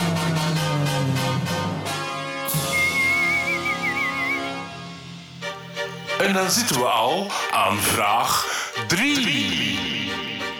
Ja, vraag drie. En, en ik snap niet waarom dat ze op een geel kaartje een witte zin zetten. Ik, ik ben aan het grabbelen aan mijn bril. Want wit op geel, dat is onleesbaar. Waarschijnlijk een heel slechte designer. Een heel slechte designer. Maar de vraag gaat, uit welk nummer komt de zin? Put a gun against his head, pulled my trigger, now he's dead. Is dat van A. Good Night Saigon van Billy Joel? Is dat B. Sunday Brother Sunday van U2? Is dat C. Bohemian Rhapsody van Queen? Of is dat D. Black van Pearl Jam? Dus, uit welk nummer komt de zin? En je mag al het muziekje. eh, Ja, dus nog één keer de zin, graag zonder muziek, dat we het echt goed kunnen horen. Uit welk nummer komt de zin? Put a gun against my head. Pulled my trigger, now he's dead. Ah, oké. En, en is dat dus van eh, A. Goodnight Saigon van Billy Joel? Is dat B. Sunday Bloody Sunday van U2? Jouw favoriete groep, hè? Bloody Sunday. Ja, eh, C. Bohemian Rhapsody van Queen? Of D. Black van Pearl Jam? Nou, gokje. Gokje. Gokje, gokje. En Ja. Alright. eh, Mario zegt Billy Joel. Eh, is het van zegt C. Bohemian Rhapsody. En Minja zegt B. Bohemian Rhapsody. Mama, I just killed a man. Eh, mama, I just killed a man. Zoiets, maar dan beter. En put a gun against his head.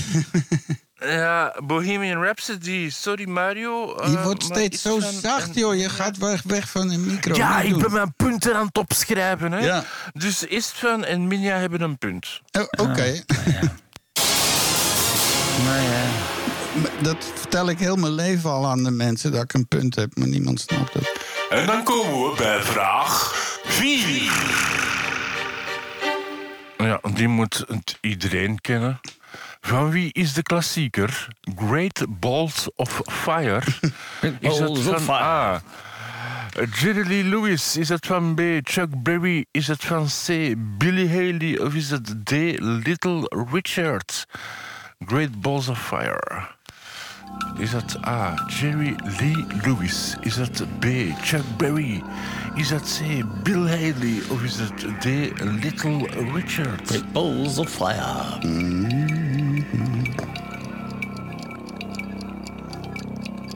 Het is eh, piano, hè?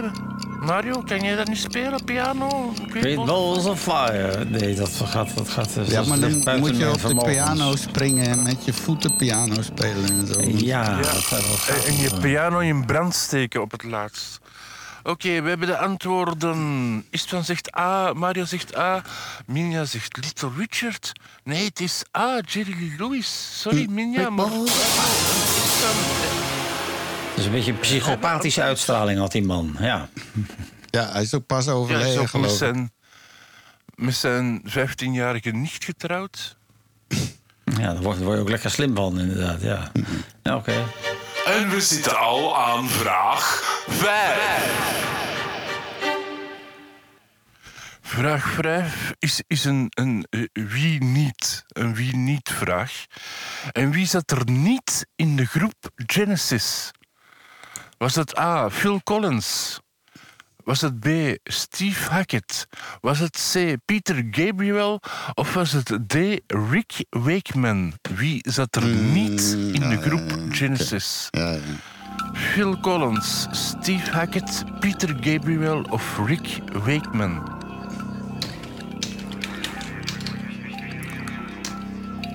Ja, ja, ja, je wordt nagedacht. Het zijn wel allemaal jeugdhelden. hè. Ik ken ze allemaal natuurlijk. Ik ken ze allemaal, maar waar ze nou precies in hebben gezeten, dat gaat een dingetje worden. ik ben ook zo met het personeel bezig geweest, zal ik maar zeggen. Nee, hè? Nee, nee, nee, nee, nee, nee. En we gaan er nu achter komen. Katjak. Iedereen, doe mee, hè? Ja, als je nog mee wil doen, kom naar de praattafel.be. Klik op chat. Ja, Mario zegt Peter Gabriel, maar dat was de eerste zanger van Genesis. Ja. En Minja ja, zegt ja. D, Rick Makeman. En, en Istvan zegt ook D, Ricky. Ricky, inderdaad, het was Ricky. Ik ken wel Ricky en Slingertje. Dat was een jeugdserie. Maar goed. Rick Wakeman zat bij Deep Purple. Hè? Dat was met de monsterorgels en de monster... eh, Ja, die ken ik wel. Die, eh. Dat was, dat was een grootste hit eigenlijk. Dat weet ik nog wel, ja. Maar dat even tussendoor. Alright. Eh, dan schuiven we het gewoon door. We hebben het middenpunt bereikt met vraag 6. Eh, welk van de volgende groepen of artiesten speelden niet op Live Aid Festival in 85? Waren dat A. The Simple Minds? Was dat B. Michael Jackson? Was dat C. David Bowie? Of was dat D. U2? Dus welke groep of persoon speelde niet op Live Aid? Was dat A. Simple Minds? B. Michael Jackson? C. David Bowie? Of D. U2? Kom aan, Mario, dat is een Kan gemakkelijk. je dat nog world. herinneren? Live Aid? Ik heb daar nog zulke levende Oh ja, the herinneringen. children. Een warme zomeravond was dat en het begon smiddags al en dat hield me niet op. Ik kan een bom vol Haarlem. Dat was ook de enige keer in mijn leven dat mijn papa zei van... gaan we samen eens niet een ijsje eten. D- Dat is nooit gebeurd, maar die avond wel. Alright.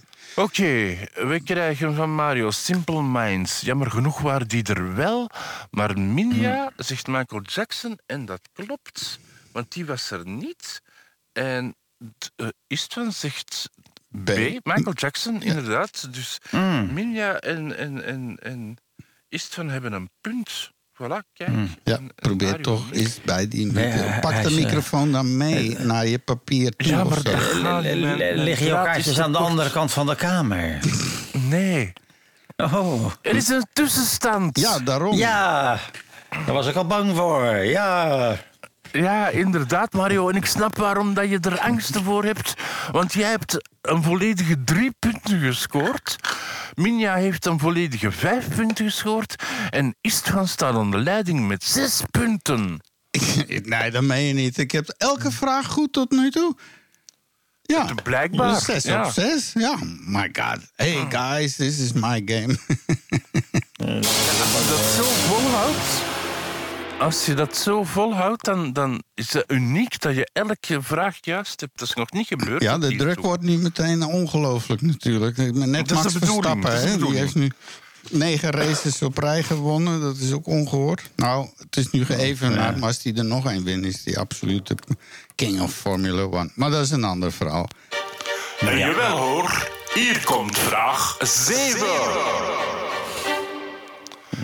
Vraag 7. De roodharige singer-songwriter Ed Sheeran is geboren in A. Schotland, B. Ierland, C. Engeland of D. Wales. Mm, My Ed god. Sheeran. Dat Is een- geboren in Schotland, Ierland, Engeland of Wales? Nou, gokje, gokje. welke, de tweede was ook alweer... Wel, nee, dus... Dat was, sorry, Het nog was één of keer? Schotland, Schotland, Ierland, Engeland of Wales. Ah, oké. Ik ga dan... Ja. Ik kan niet weten. Ik kan niet weten. Gokje. Ah, wacht, oh, verkeerde. Nu moet ik op enter drukken. Ja. Oké, en ik ben aan het kijken. In en- Bierland. Ik zie het staan. Ja. Freudiaanse verdieping. ja, verdieping. Ja, zelfs al zou het niet zo zijn, het is fout. Oh. Schotland is het ook niet. Hij is gewoon in Engeland geboren, dus niemand heeft een punt. Oké. Ik, had dat niet mogen zeggen, hè, dat je elke... eh, ja, het is wat, kom. Ja, want nu gaat hij alleen maar falen. Hij heeft faal- faalangst nu. Ja, dat is eigenlijk een beetje de bedoeling. Ja. Oké, volgende vraag. En Let's dan get over it. plaats voor vraag 8. Ehm, vraag 8 is: wat is de achternaam van Adele? Je, je weet wel, de zangeres, hè? Adele. Adele. Oh ja, dat weet Is ik wel. dat A. Atkins? Is dat B. Atkins? Nou, A is met een T en dus speciaal voor Istvan. Dus A. Atkins met een T. B. Atkins met een D. C. Atkinson met een T. Of D. Anderson. Dus ik ga Ik dacht, gewoon echt, zeggen, eh, hè? ik dacht dat het. Bloemendaal was. Ja, blijkbaar niet. Nou. Dus Adele, haar achternaam, is dat Atkins met een T? Is dat Atkins met een D? Is dat Ja. Atkinson met een T? Lekkere of vraag? Anderson met een D?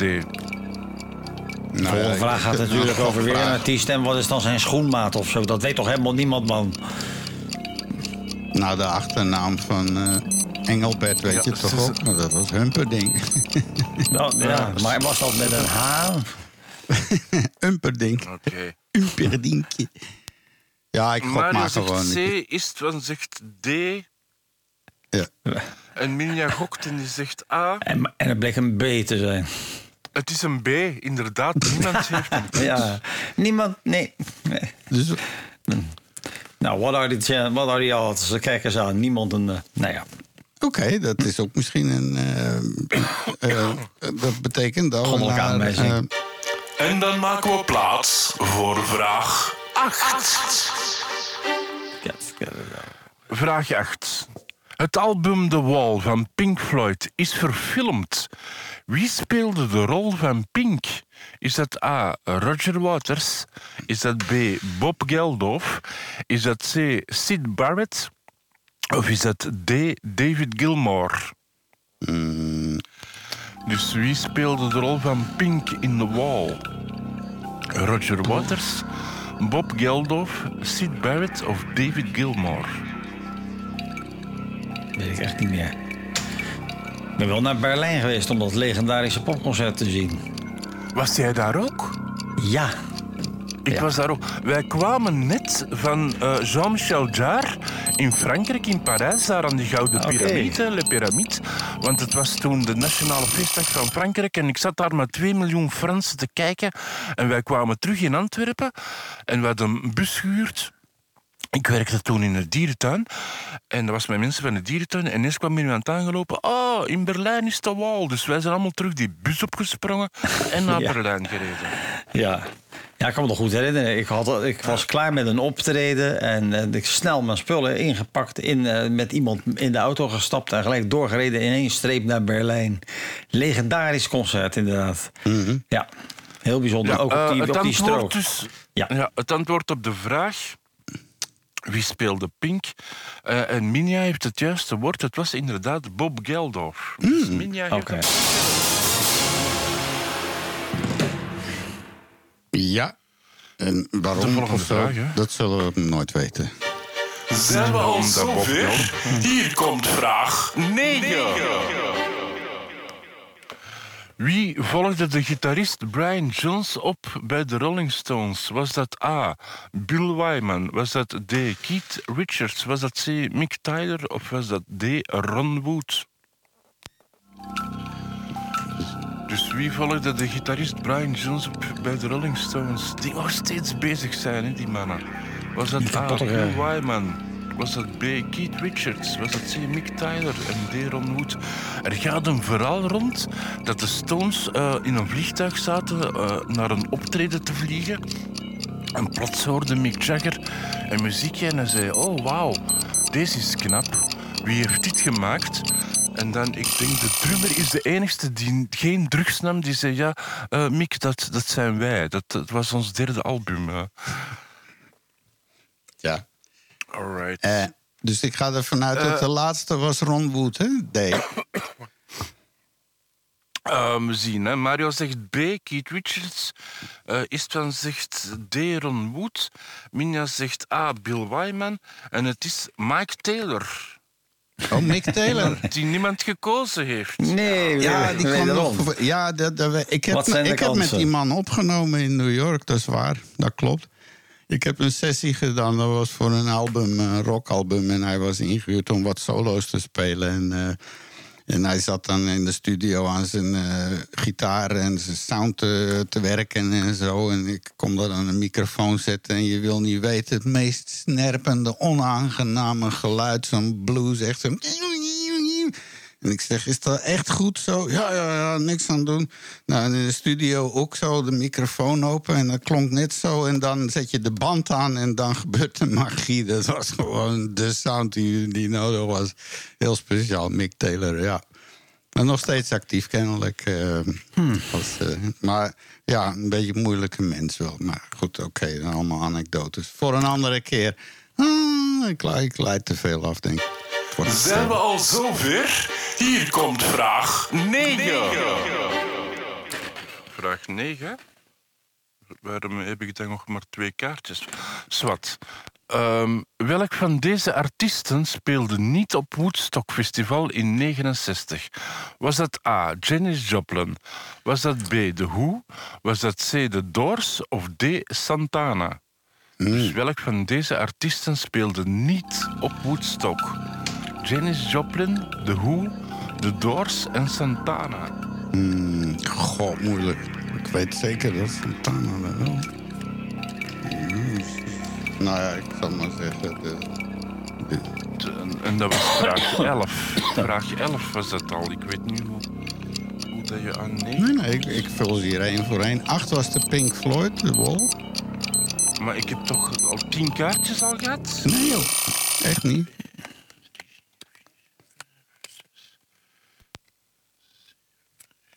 Ik vul ze tegenwoordig één voor één in. Eh, ik heb hier alle negen op rij staan waar de vragen staan. En ik hou dat nu bij, want anders vergis ik me wel eens. Maar, maar ja, het maakt niet uit. We hebben er nog drie te gaan.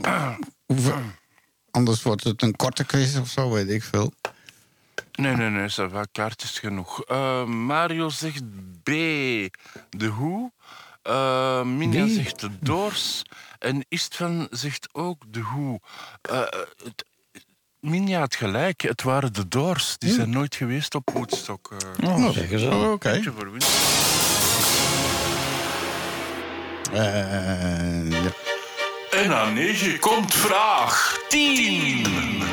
Vraag 10. Paul Houston kennen we beter onder de naam Sting, Meatloaf, Ringo Starr of Bono. Dus Paul Houston Ja. kennen we beter onder de naam Sting, Meatloaf, Ringo Starr of Bono. Ja, is het van die moet je kennen, hè? Vraagt, dan- Nee. Kraak, kraak, Google, Google. Niet doen, hè. Niet, niet, niet stiekem op... eh, Dat doen wij niet. Wij zijn heel eerlijk. nee, ik ben, ik eigenlijk veel... de- de- ik eindig altijd als laatste omdat ik de enige ben die dat niet doet. Nou, maar ik doe het ook niet, Mario. Beschuldig Ja, mij nu natuurlijk. van? Ja, met, Eh, met, ja. Deze, met, met, deze, met deze quiz, ja. ja. Ja. Ah. oh, eh, kijk. Minja en we hebben alle, allebei Bonzo. En jij hebt ook... eh, nee, Bono.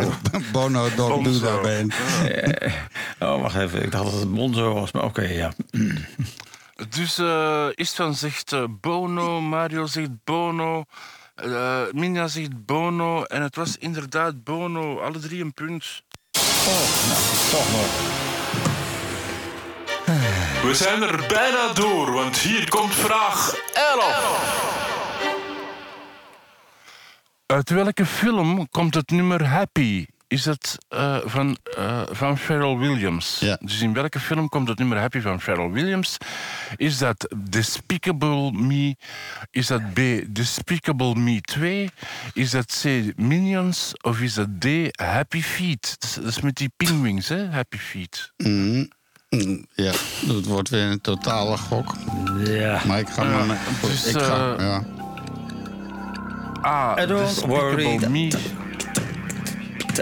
Ik heb die films al gezien. Ja, oké. Ik heb, nou, ik, ken, ik heb die films geen van allen gezien, maar ik ken wel het liedje. Ik vond het opgewekt. Weet je welke je Eh, zou liedje. moeten zien? Wally, heb je die gezien?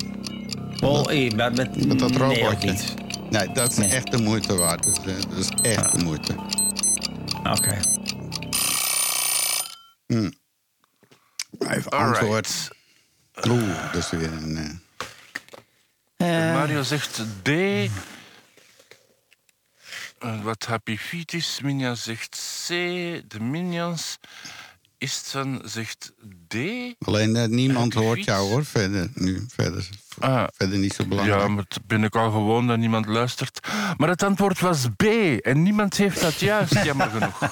Het was de Wederom. Despicable Me 2. Oké, de Despicable Me.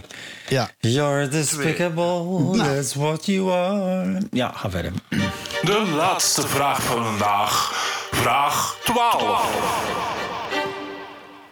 Ja, een onuitspreekbare naam, maar ik ga mijn best doen. Wat is de artiestennaam van Angelina, Stefani, Joanne, Germanotta? Germanotta, Germanotta. Ja, Germanotta. Dus wat is de artiestennaam van Angelina, Stefani, Joanne, Germanotta? Is dat A, Lady Gaga? Is dat B, Madonna? Is dat C, Cher? Of is dat D, Rihanna? Angelina, Stefani, Joanna, Germa. Het is niet moeilijk dat ze een artiestennaam heeft gekozen. Hè? Ja, dat begrijp ik. Dat. Ja. Dus is dat A, Lady Gaga? Is dat B, Madonna? Is dat Cher? C, Cher? Of is dat D, Rihanna? Ja. Nou, ja, gokje, gokje, gokje, gokje. Als het de juiste is, dan... eh, Dan is dat een gokje. Ehm eens kijken. Ehm, Mario zegt D, dat is een foute gok. Ehm Minja zegt B, Madonna is ook fout, want Istvan heeft gelijk. Het is Lady Gaga. Oh. Hè, Nou, ik ben weer benieuwd, jongens. Want ik ga de prijzenkast even opentrekken hier... zodat ik plaats kan maken waarschijnlijk. Of ben Je ik over... een, eh, hij, je- ja, hij krijgt een koekje van eigen deeg. Ja, kom maar. Oké, nou, laten we maar, laten we maar smaken. Ja, er is een gelijkstand. Eh geloof het of niet, er is een gelijkstand. Ehm, niet Mario, want die heeft maar Oh. vier juiste punten. Maar nou? Minja en Istvan hebben samen, of tenminste ieder, acht punten. Dus dan Nou we- ja. Ja, dan nagaan. Even Een schiftingsvraag dan. De Genius Selection. Ik pak ik ergens zo een, een, een Ja, maar je moet toch iets verzinnen met die microfoonmaker. Want... Midden uit de doos pak ik een kaartje van de Genius Selection. En dan kijk ik en de vraag is... eh,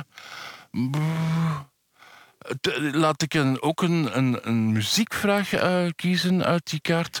Uit welke musical komt het lied Don't Cry For Me Argentina? En dat is geen Don't cry for me, Argentina. Hoe heet het, dat ding? toch? Madonna, Madonna heeft daar nog gespeeld. Ja. Over het leven van Eva Peron. Ja, verklap het even, Mario. Super. Nee, want zo heet die musical helemaal niet. Nee, dat is waar. Ah. Dat klopt het.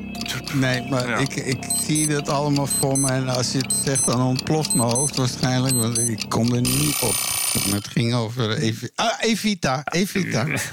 Ja, maar nu ben je te laat. Je bent lekker te laat. Ja, inderdaad. Ja, Minia heeft gewonnen. Ja, prima, dat klopt. prima. Minia heeft Ja. inderdaad gewonnen. Nou, Op de geweldig. eindstreep. Dat was echt een fotofinish. ik. ja, Ja, dus, dus je bent gewoon tweede. ja, oké. Mm. Ja, Minja, dus je weet, vanaf vorige week geven wij een certificaat. Dat staat op de Facebookpagina van de Praattafel.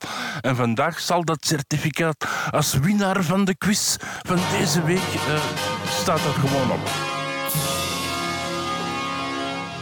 Ja, staat op de website. Met een mooi plaatje erbij. Voor eeuwig. Gefeliciteerd, Minia. Ja.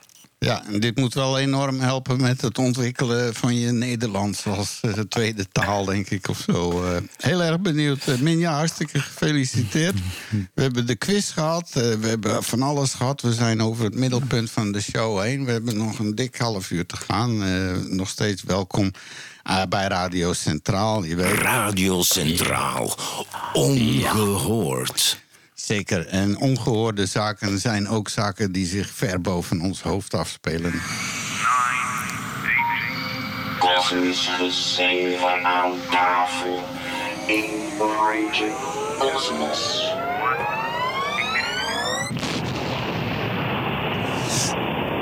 Bom. Mario had weer wat gevonden hoor. Ja, over, eh, er is weer een nieuw type ster ontdekt. En dat is, ja, dat is, dat is, er zit er weer eentje in, in, in de doos van de kosmologen... waar ze weer onderzoek naar kunnen doen. Want er blijven dus inderdaad steeds fenomenen te zijn... die nog niet ontdekt zijn. Het houdt niet op.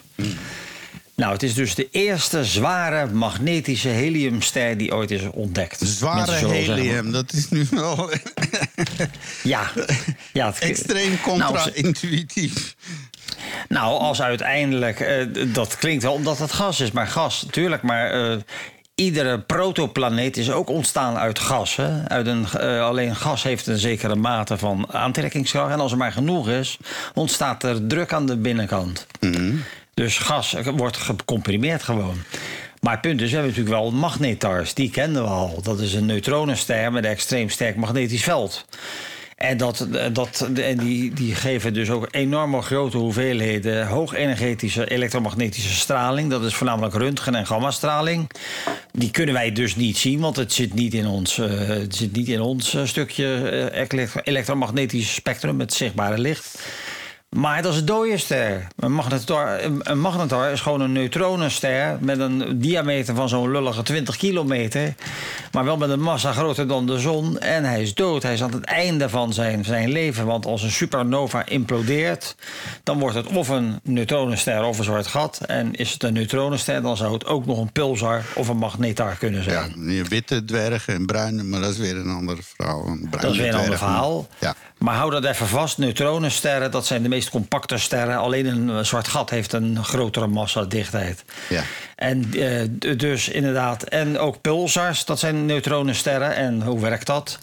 Eh, die dingen die roteren. En als de magnetische as niet gelijk valt met de draaias. Zien wij flitsen. Ja, en eh, tap, die worden tap, heel tap, vaak gebruikt.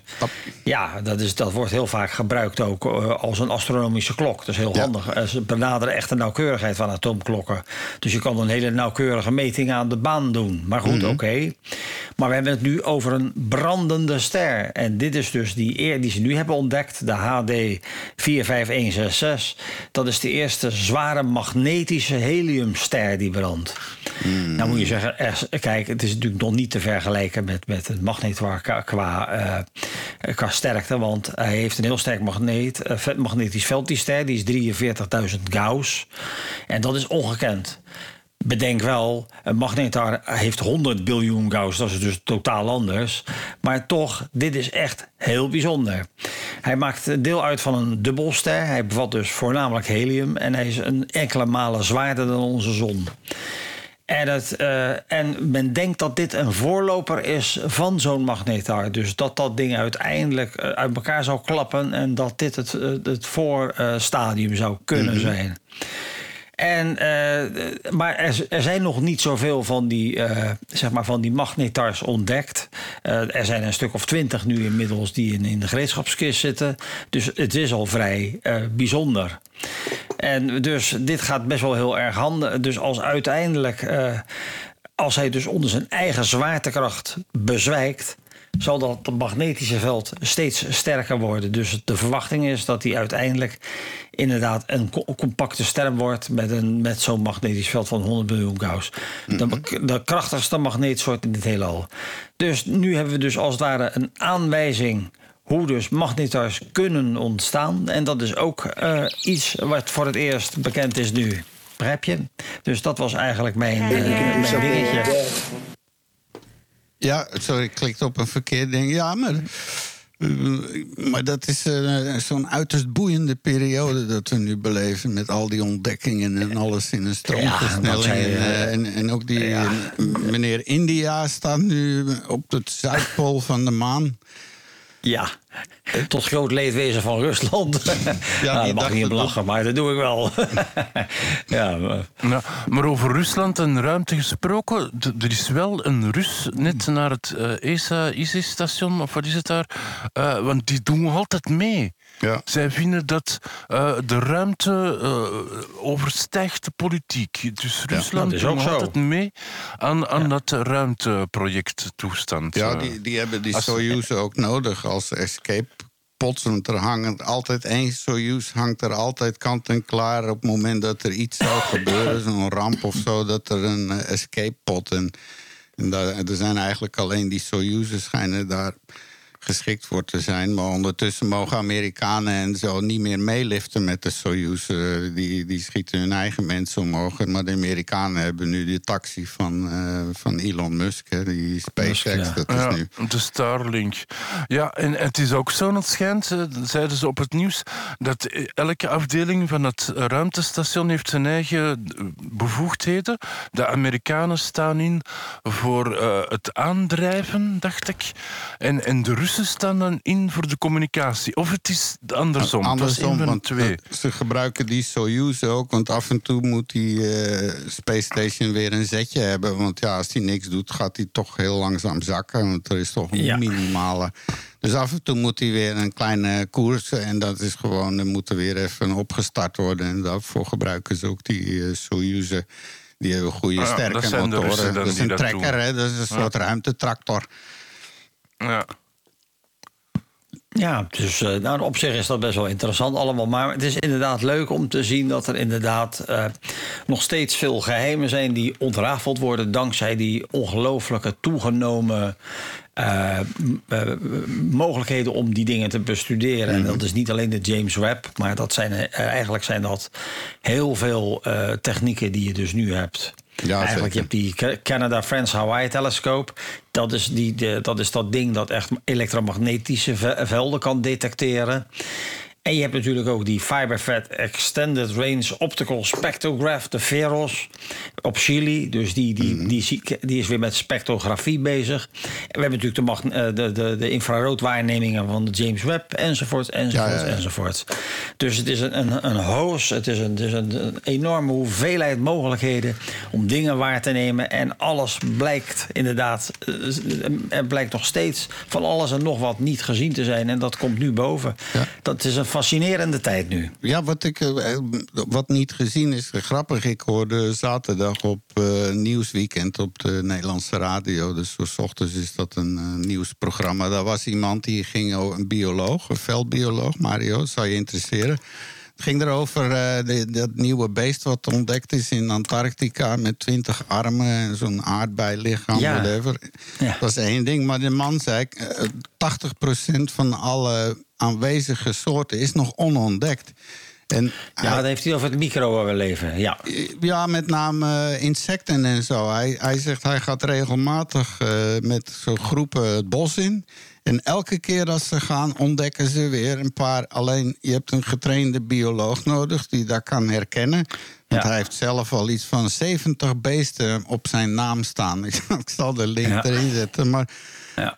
er is nog zoveel hier onontdekt. En hij zegt er zijn gewoon nog hele gebieden waar elke keer als ze de jungle ingaan, daar in eh, Zuid-Amerika of op Borneo of waar dan ook, worden Ja. nieuwe soorten gevonden. Dus Ja, het wordt wel steeds kleiner. Je, hebt de, de echte grote zoogdieren, eh, die zijn wel allemaal bekend. Eh, Ja, ja. Heel af en toe.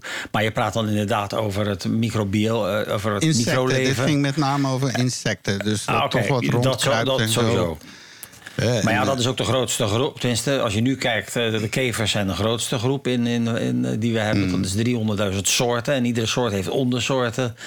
Maar de- denk, denk, kijk eens wat er in de bodem leeft aan, aan de nematoden en zo. En, Ja, ja. dat is eh, onvoorstelbaar. En dan hebben we het nog niet eens gehad over de diepzee, want we weten meer van Mars dan, dan van de bodem van onze eigen zeeën. Ja, dat Dus is ook nog een ander ding. Dat is ook nog een ander ding. En we gaan het nog over heel, heel andere, andere dingen hebben. Uw favoriete quiz brengt u gedicht erbij.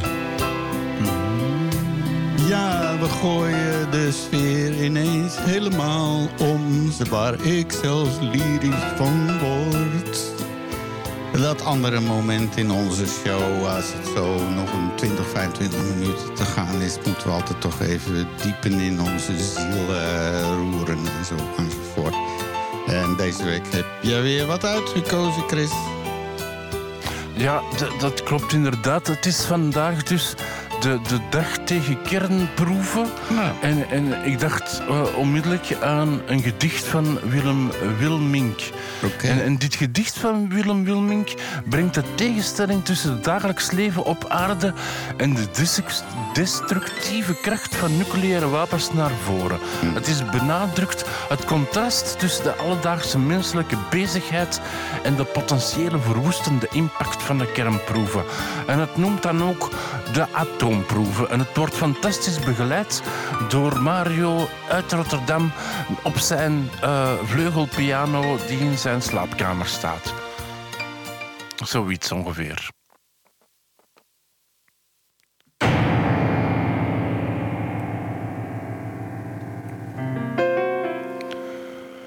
De aarde blijft de aarde. En straalt een stille kracht. Die in een klein heelal het eigen leven smeet.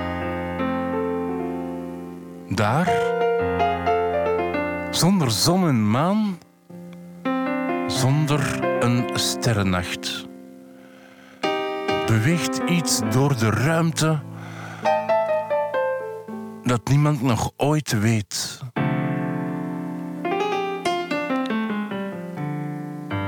De wereld is de wereld met dag en nacht en tijd die zich eeuwig blijft herhalen. Een, een eindeloos ballet. Daar, buiten onze sfeer, klinkt een vernietigende schreeuw. En het leven is verloren, maar niemand die het weet.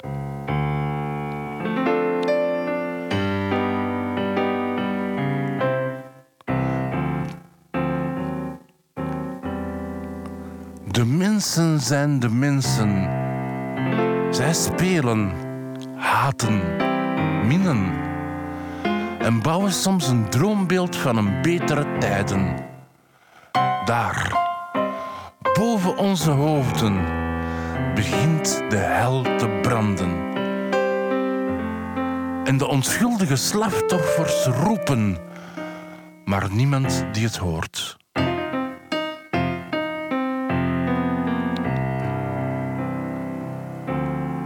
Aarde blijft de aarde. Een levende planeet. Die langzaam en geduldig ons leven heeft geweven. Daar, in een onbekende verte. Waar een bom ontketent. En de wereld houdt de adem in. Maar niemand die het ziet.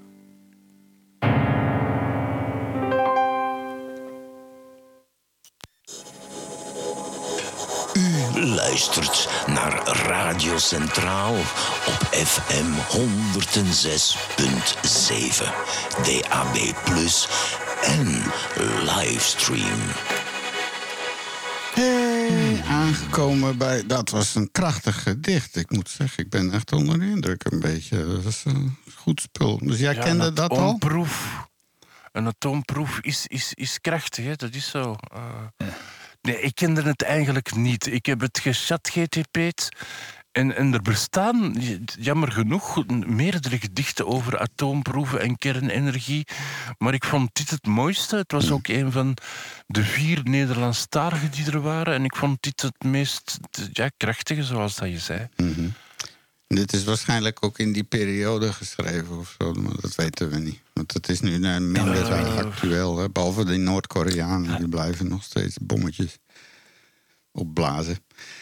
Hey, eh, het laatste luik van de show. We hebben nog wat tijd voor. eh, nou, ik probeer dan elke keer toch wat eh, op, op positief nieuws.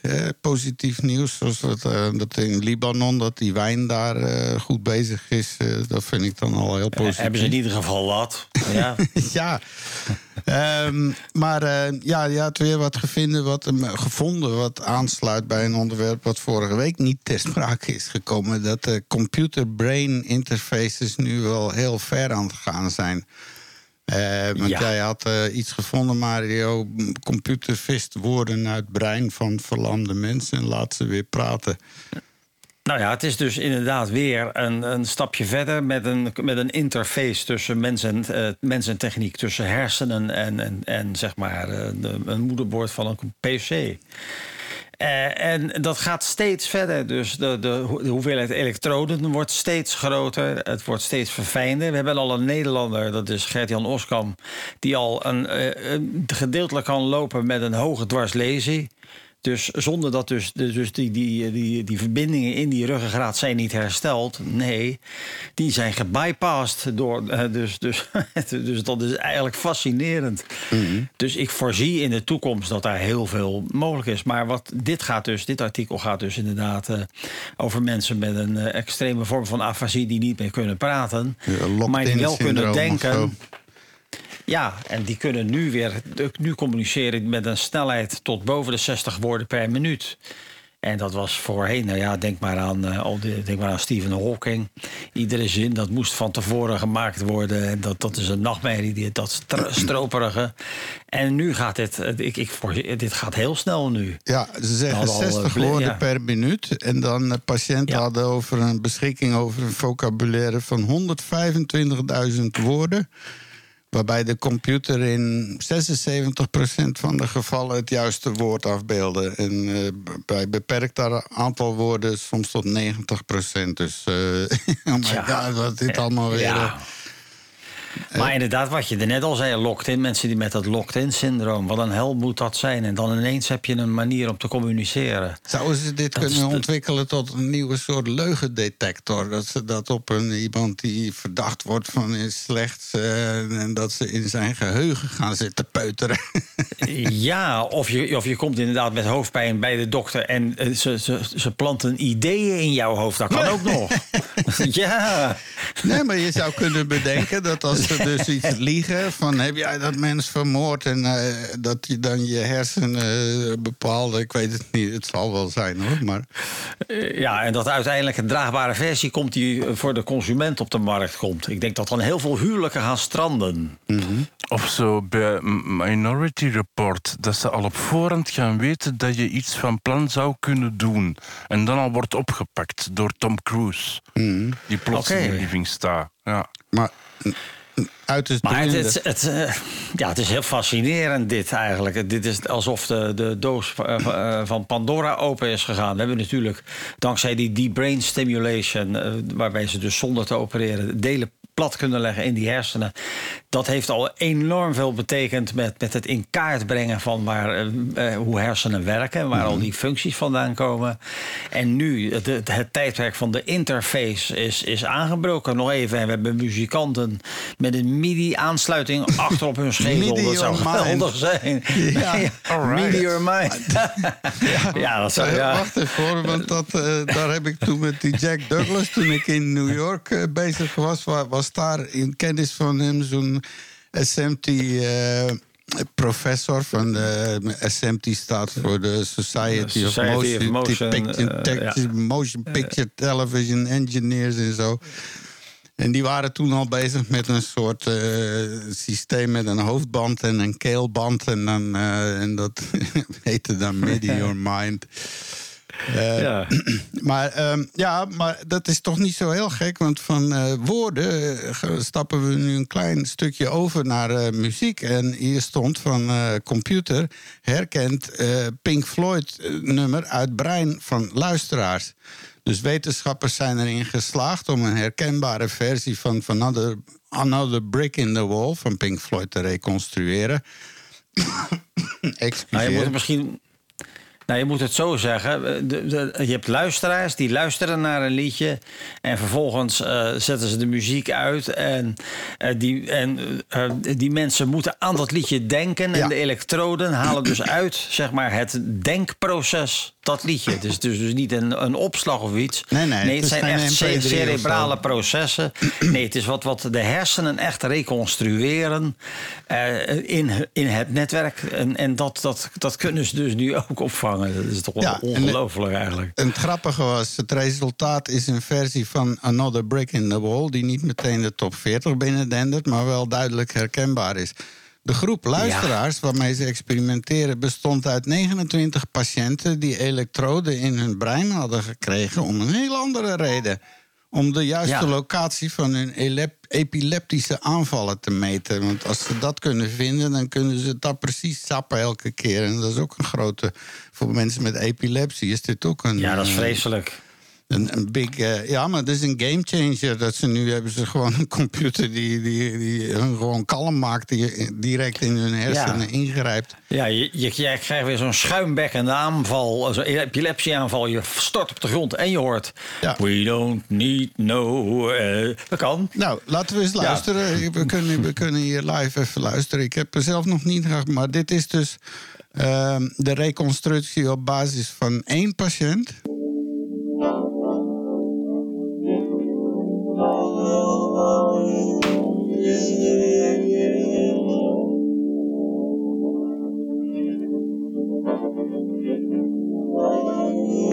Is duidelijk Pink Floyd. Ja, duidelijk. Dus, maar dan als Sid Barrett er nog bij was gebleven, die was het dus knettergek. Maar ehm, nu, nu een reconstructie op basis van de 29. Maar ik hoorde op het laatst van Brick in the Wall. Brick in the Wall hoorde je daar helemaal op het eind, zeg maar. eh, eh, nou ja, nu niet meer. Maar dit is dus 29 mensen.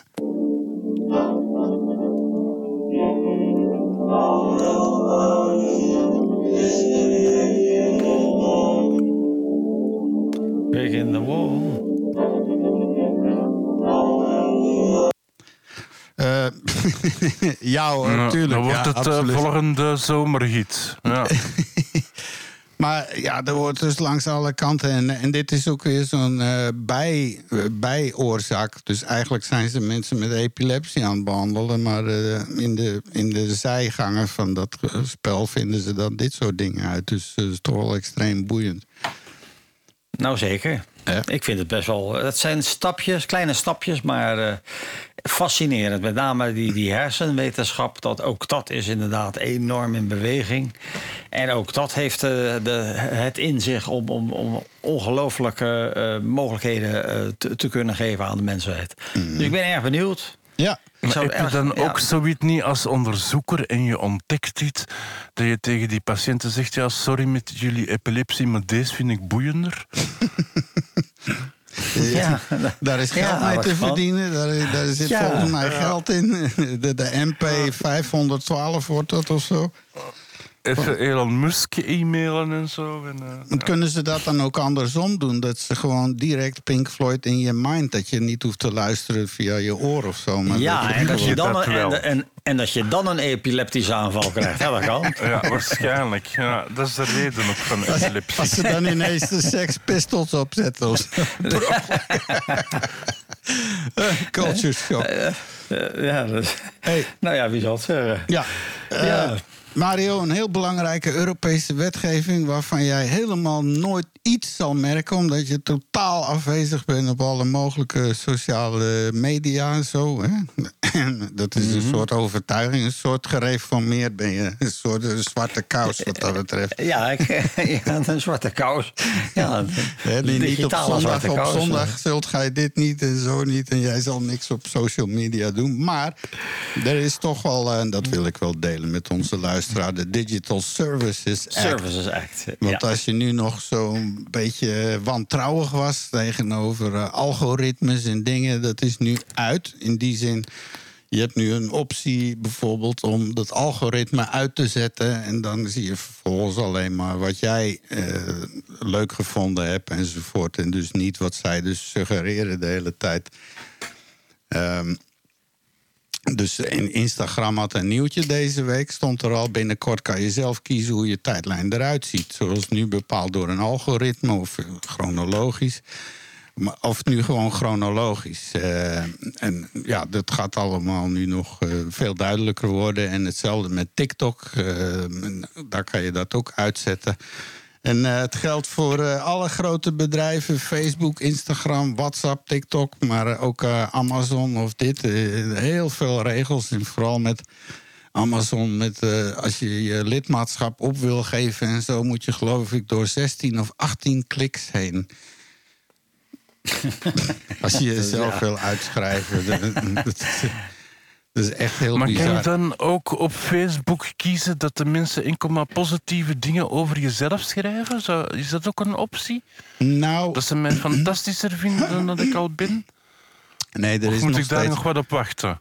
Ah, Ja, moet daar kun je nog op wachten. Want er is nog steeds die bepaalde wet, eh, dat artikel in Amerika. Ik ben het nummer vergeten, maar dat vrijwaart eh, dus die platformen van, eh, van de verantwoordelijkheid voor de inhoud, die mensen die erop plaatsen. Dus heb ik een heel afschuwelijk verhaal gelezen in een Amerikaanse krant over een, een man in New York. eh, er was een gay kerel, die woonde daar. En, eh, en die, die kreeg ineens allerlei aanzoeken eh, van mensen via zo'n grinder. Dat is zo'n dating app voor homo mensen.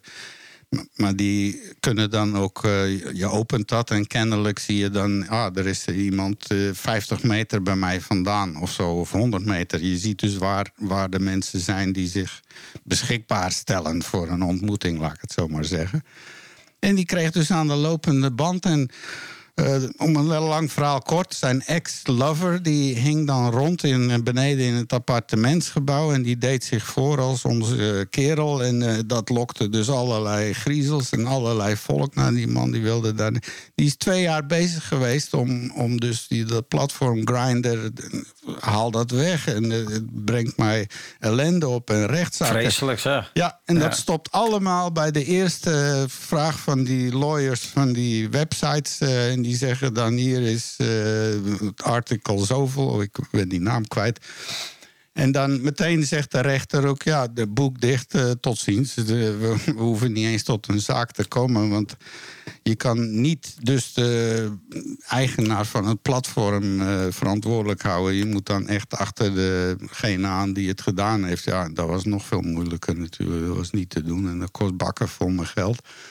Dus dat is die nachtmerrie en daar hopen ze hier nu ook wel een beetje een eind aan te maken. Ook met de, die donkere patronen. Hè, dus dat ze eh, gewoon. eh, eh, soms worden vragen zo heel dubbel gesteld. van, van wa- waar je bijna niet om, om, om, het meedoen heen kan of zo. Dat moet allemaal veel helderder gemaakt worden. Dus met dingen. hè, Dus toegang verlenen tot je contacten. om vrienden te vinden op chat. Ja of niet nu. Dus dat betekent dat ze volgende week komt weer die vraag terug. En, Ja. en dan weer die vraag terug enzovoort. En dan- hopen ze dat ze je een keer. eh, Gewoon nee. Wat ik ook wel vervelend vind, want ik heb dus alle meldingen van Facebook, Instagram, al die flauwekul uitstaan. Waardoor ik, ja, als ik erheen wil, dan doe ik dat op mijn voorwaarden. Maar zowel Facebook als Instagram, elke keer als je dat opent, komt er zo'n ding. Zet meldingen aan om op de hoogte te blijven. Dan moet ik honderdduizend keer wegklikken. Dat is wel erg vervelend. Ja.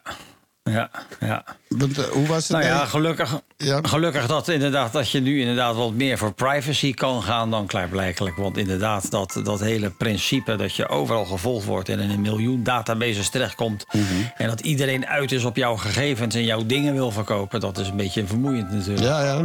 We weten de historische... Global Village is not created by the motor car or even by the airplane. It's created by instant electronic information movement. The global village is at once as wide as the planet and as small as a little town where everybody is maliciously engaged in poking his nose at everybody else's business. 1967, deze woorden, mensen. Marshall McLuhan. Ik blijf het een, eh, bijna een religieuze uitspraak vinden. Die man was zeer vooruitziend. Hey, eh, ja, we zijn in de laatste minuten, heen maar zomaar. Dus eh, ik zou zeggen, jongens, eh, we gaan weer een week lang zonder ons moeten doen. Op de radio, op Radio Centraal. Maar je kan ons op En, de en website ook volgen. een, een week zonder onze luisteraars. En dat ook, ja. En ondertussen, ja, nieuwe dingen hier. we gaan een beetje herfstmode in, een beetje aan de tuin prutsen. Een beetje zien dat dat weer de winter doorkomt. Want ja, alles weer veranderen. Hè? Dus, en Chris, jij een plan nog? Ehm, de, donderdag, eh, onze vriend eh, Leo, eh, de kunstenaar, de wolkenbreier, die gaat weer op het tak van het Ja, Muka. en ik ben daar zijn, ja, dat dacht ik al. De nocturne live radiosessie op het tak, de Summer of Leo. Dus ik ben benieuwd, daar ga ik zeker naar kijken. Vrijdag heb ik dan school. Mijn eerste elektronische muziekles begint Ja. dan. En, en, en maandag heb ik dan mijn eerste dag literair schrijven, non-fictie. Non-fictie, ja. Dus, dus ja, het zal iets drukker worden dan van de zomer, hoop ik, denk ik. Vermoedelijk. Ja, ik was even, sorry, afgeleid. Ja, en ook dat wordt gelivestreamd op Radio Centraal. Dus eh, normaal gesproken vanaf 5 uur tot eh 9 uur aanstaande donderdag live op Radio Ah, ik dacht van zes. Vanaf zes, Ja, dacht ik. mijn brief ja, stond vijf. Maar in elk geval, eh, stem af op Radio Centraal sowieso. En dan zul je er altijd bij kunnen zijn natuurlijk. Hè? En Mario? En Mario, wat ga jij nog doen? Ik zal het gewoon overnemen. Is het van, en Mario, Ja, wat gaat jij nog nou, doen? eh, nou, eh, ik ben heel erg blij, want eh, gisteren kwam mijn stemsleutel binnen voor mijn nieuwe Spinet. Dat is een kleine een kamersklaversymbol. Spinet-stemsleutel? Ja, en eh, eindelijk. die, dus ik kan dat ding nu stemmen. Dus ik kan eindelijk gewoon dat, op dat ding Daar zijn de buren Dus ook ik- heel blij mee, denk ik. Eh, ja, dat weet ik niet, die zijn aan het verhuizen. Ik heb, ik, zat- ja, Je hebt ze weggejaagd. Ze zagen dat al aankomen waarschijnlijk. Zo. ik denk het, maar ik kan dus inderdaad mijn spinet stemmen. En dan kan ik weer lekker al mijn inventionen van Bach spelen. en zo. spinet? Als een klaversymbol. spinet, Ja, gaan we volgende week doen, want het is gedaan, lieve mensen. Tot volgende week. Ja. Dit was de praattafel. U was wederom welkom aan deze aflevering van de Praattafel. Kijk op praattafel.be voor de show notes. Tot de volgende.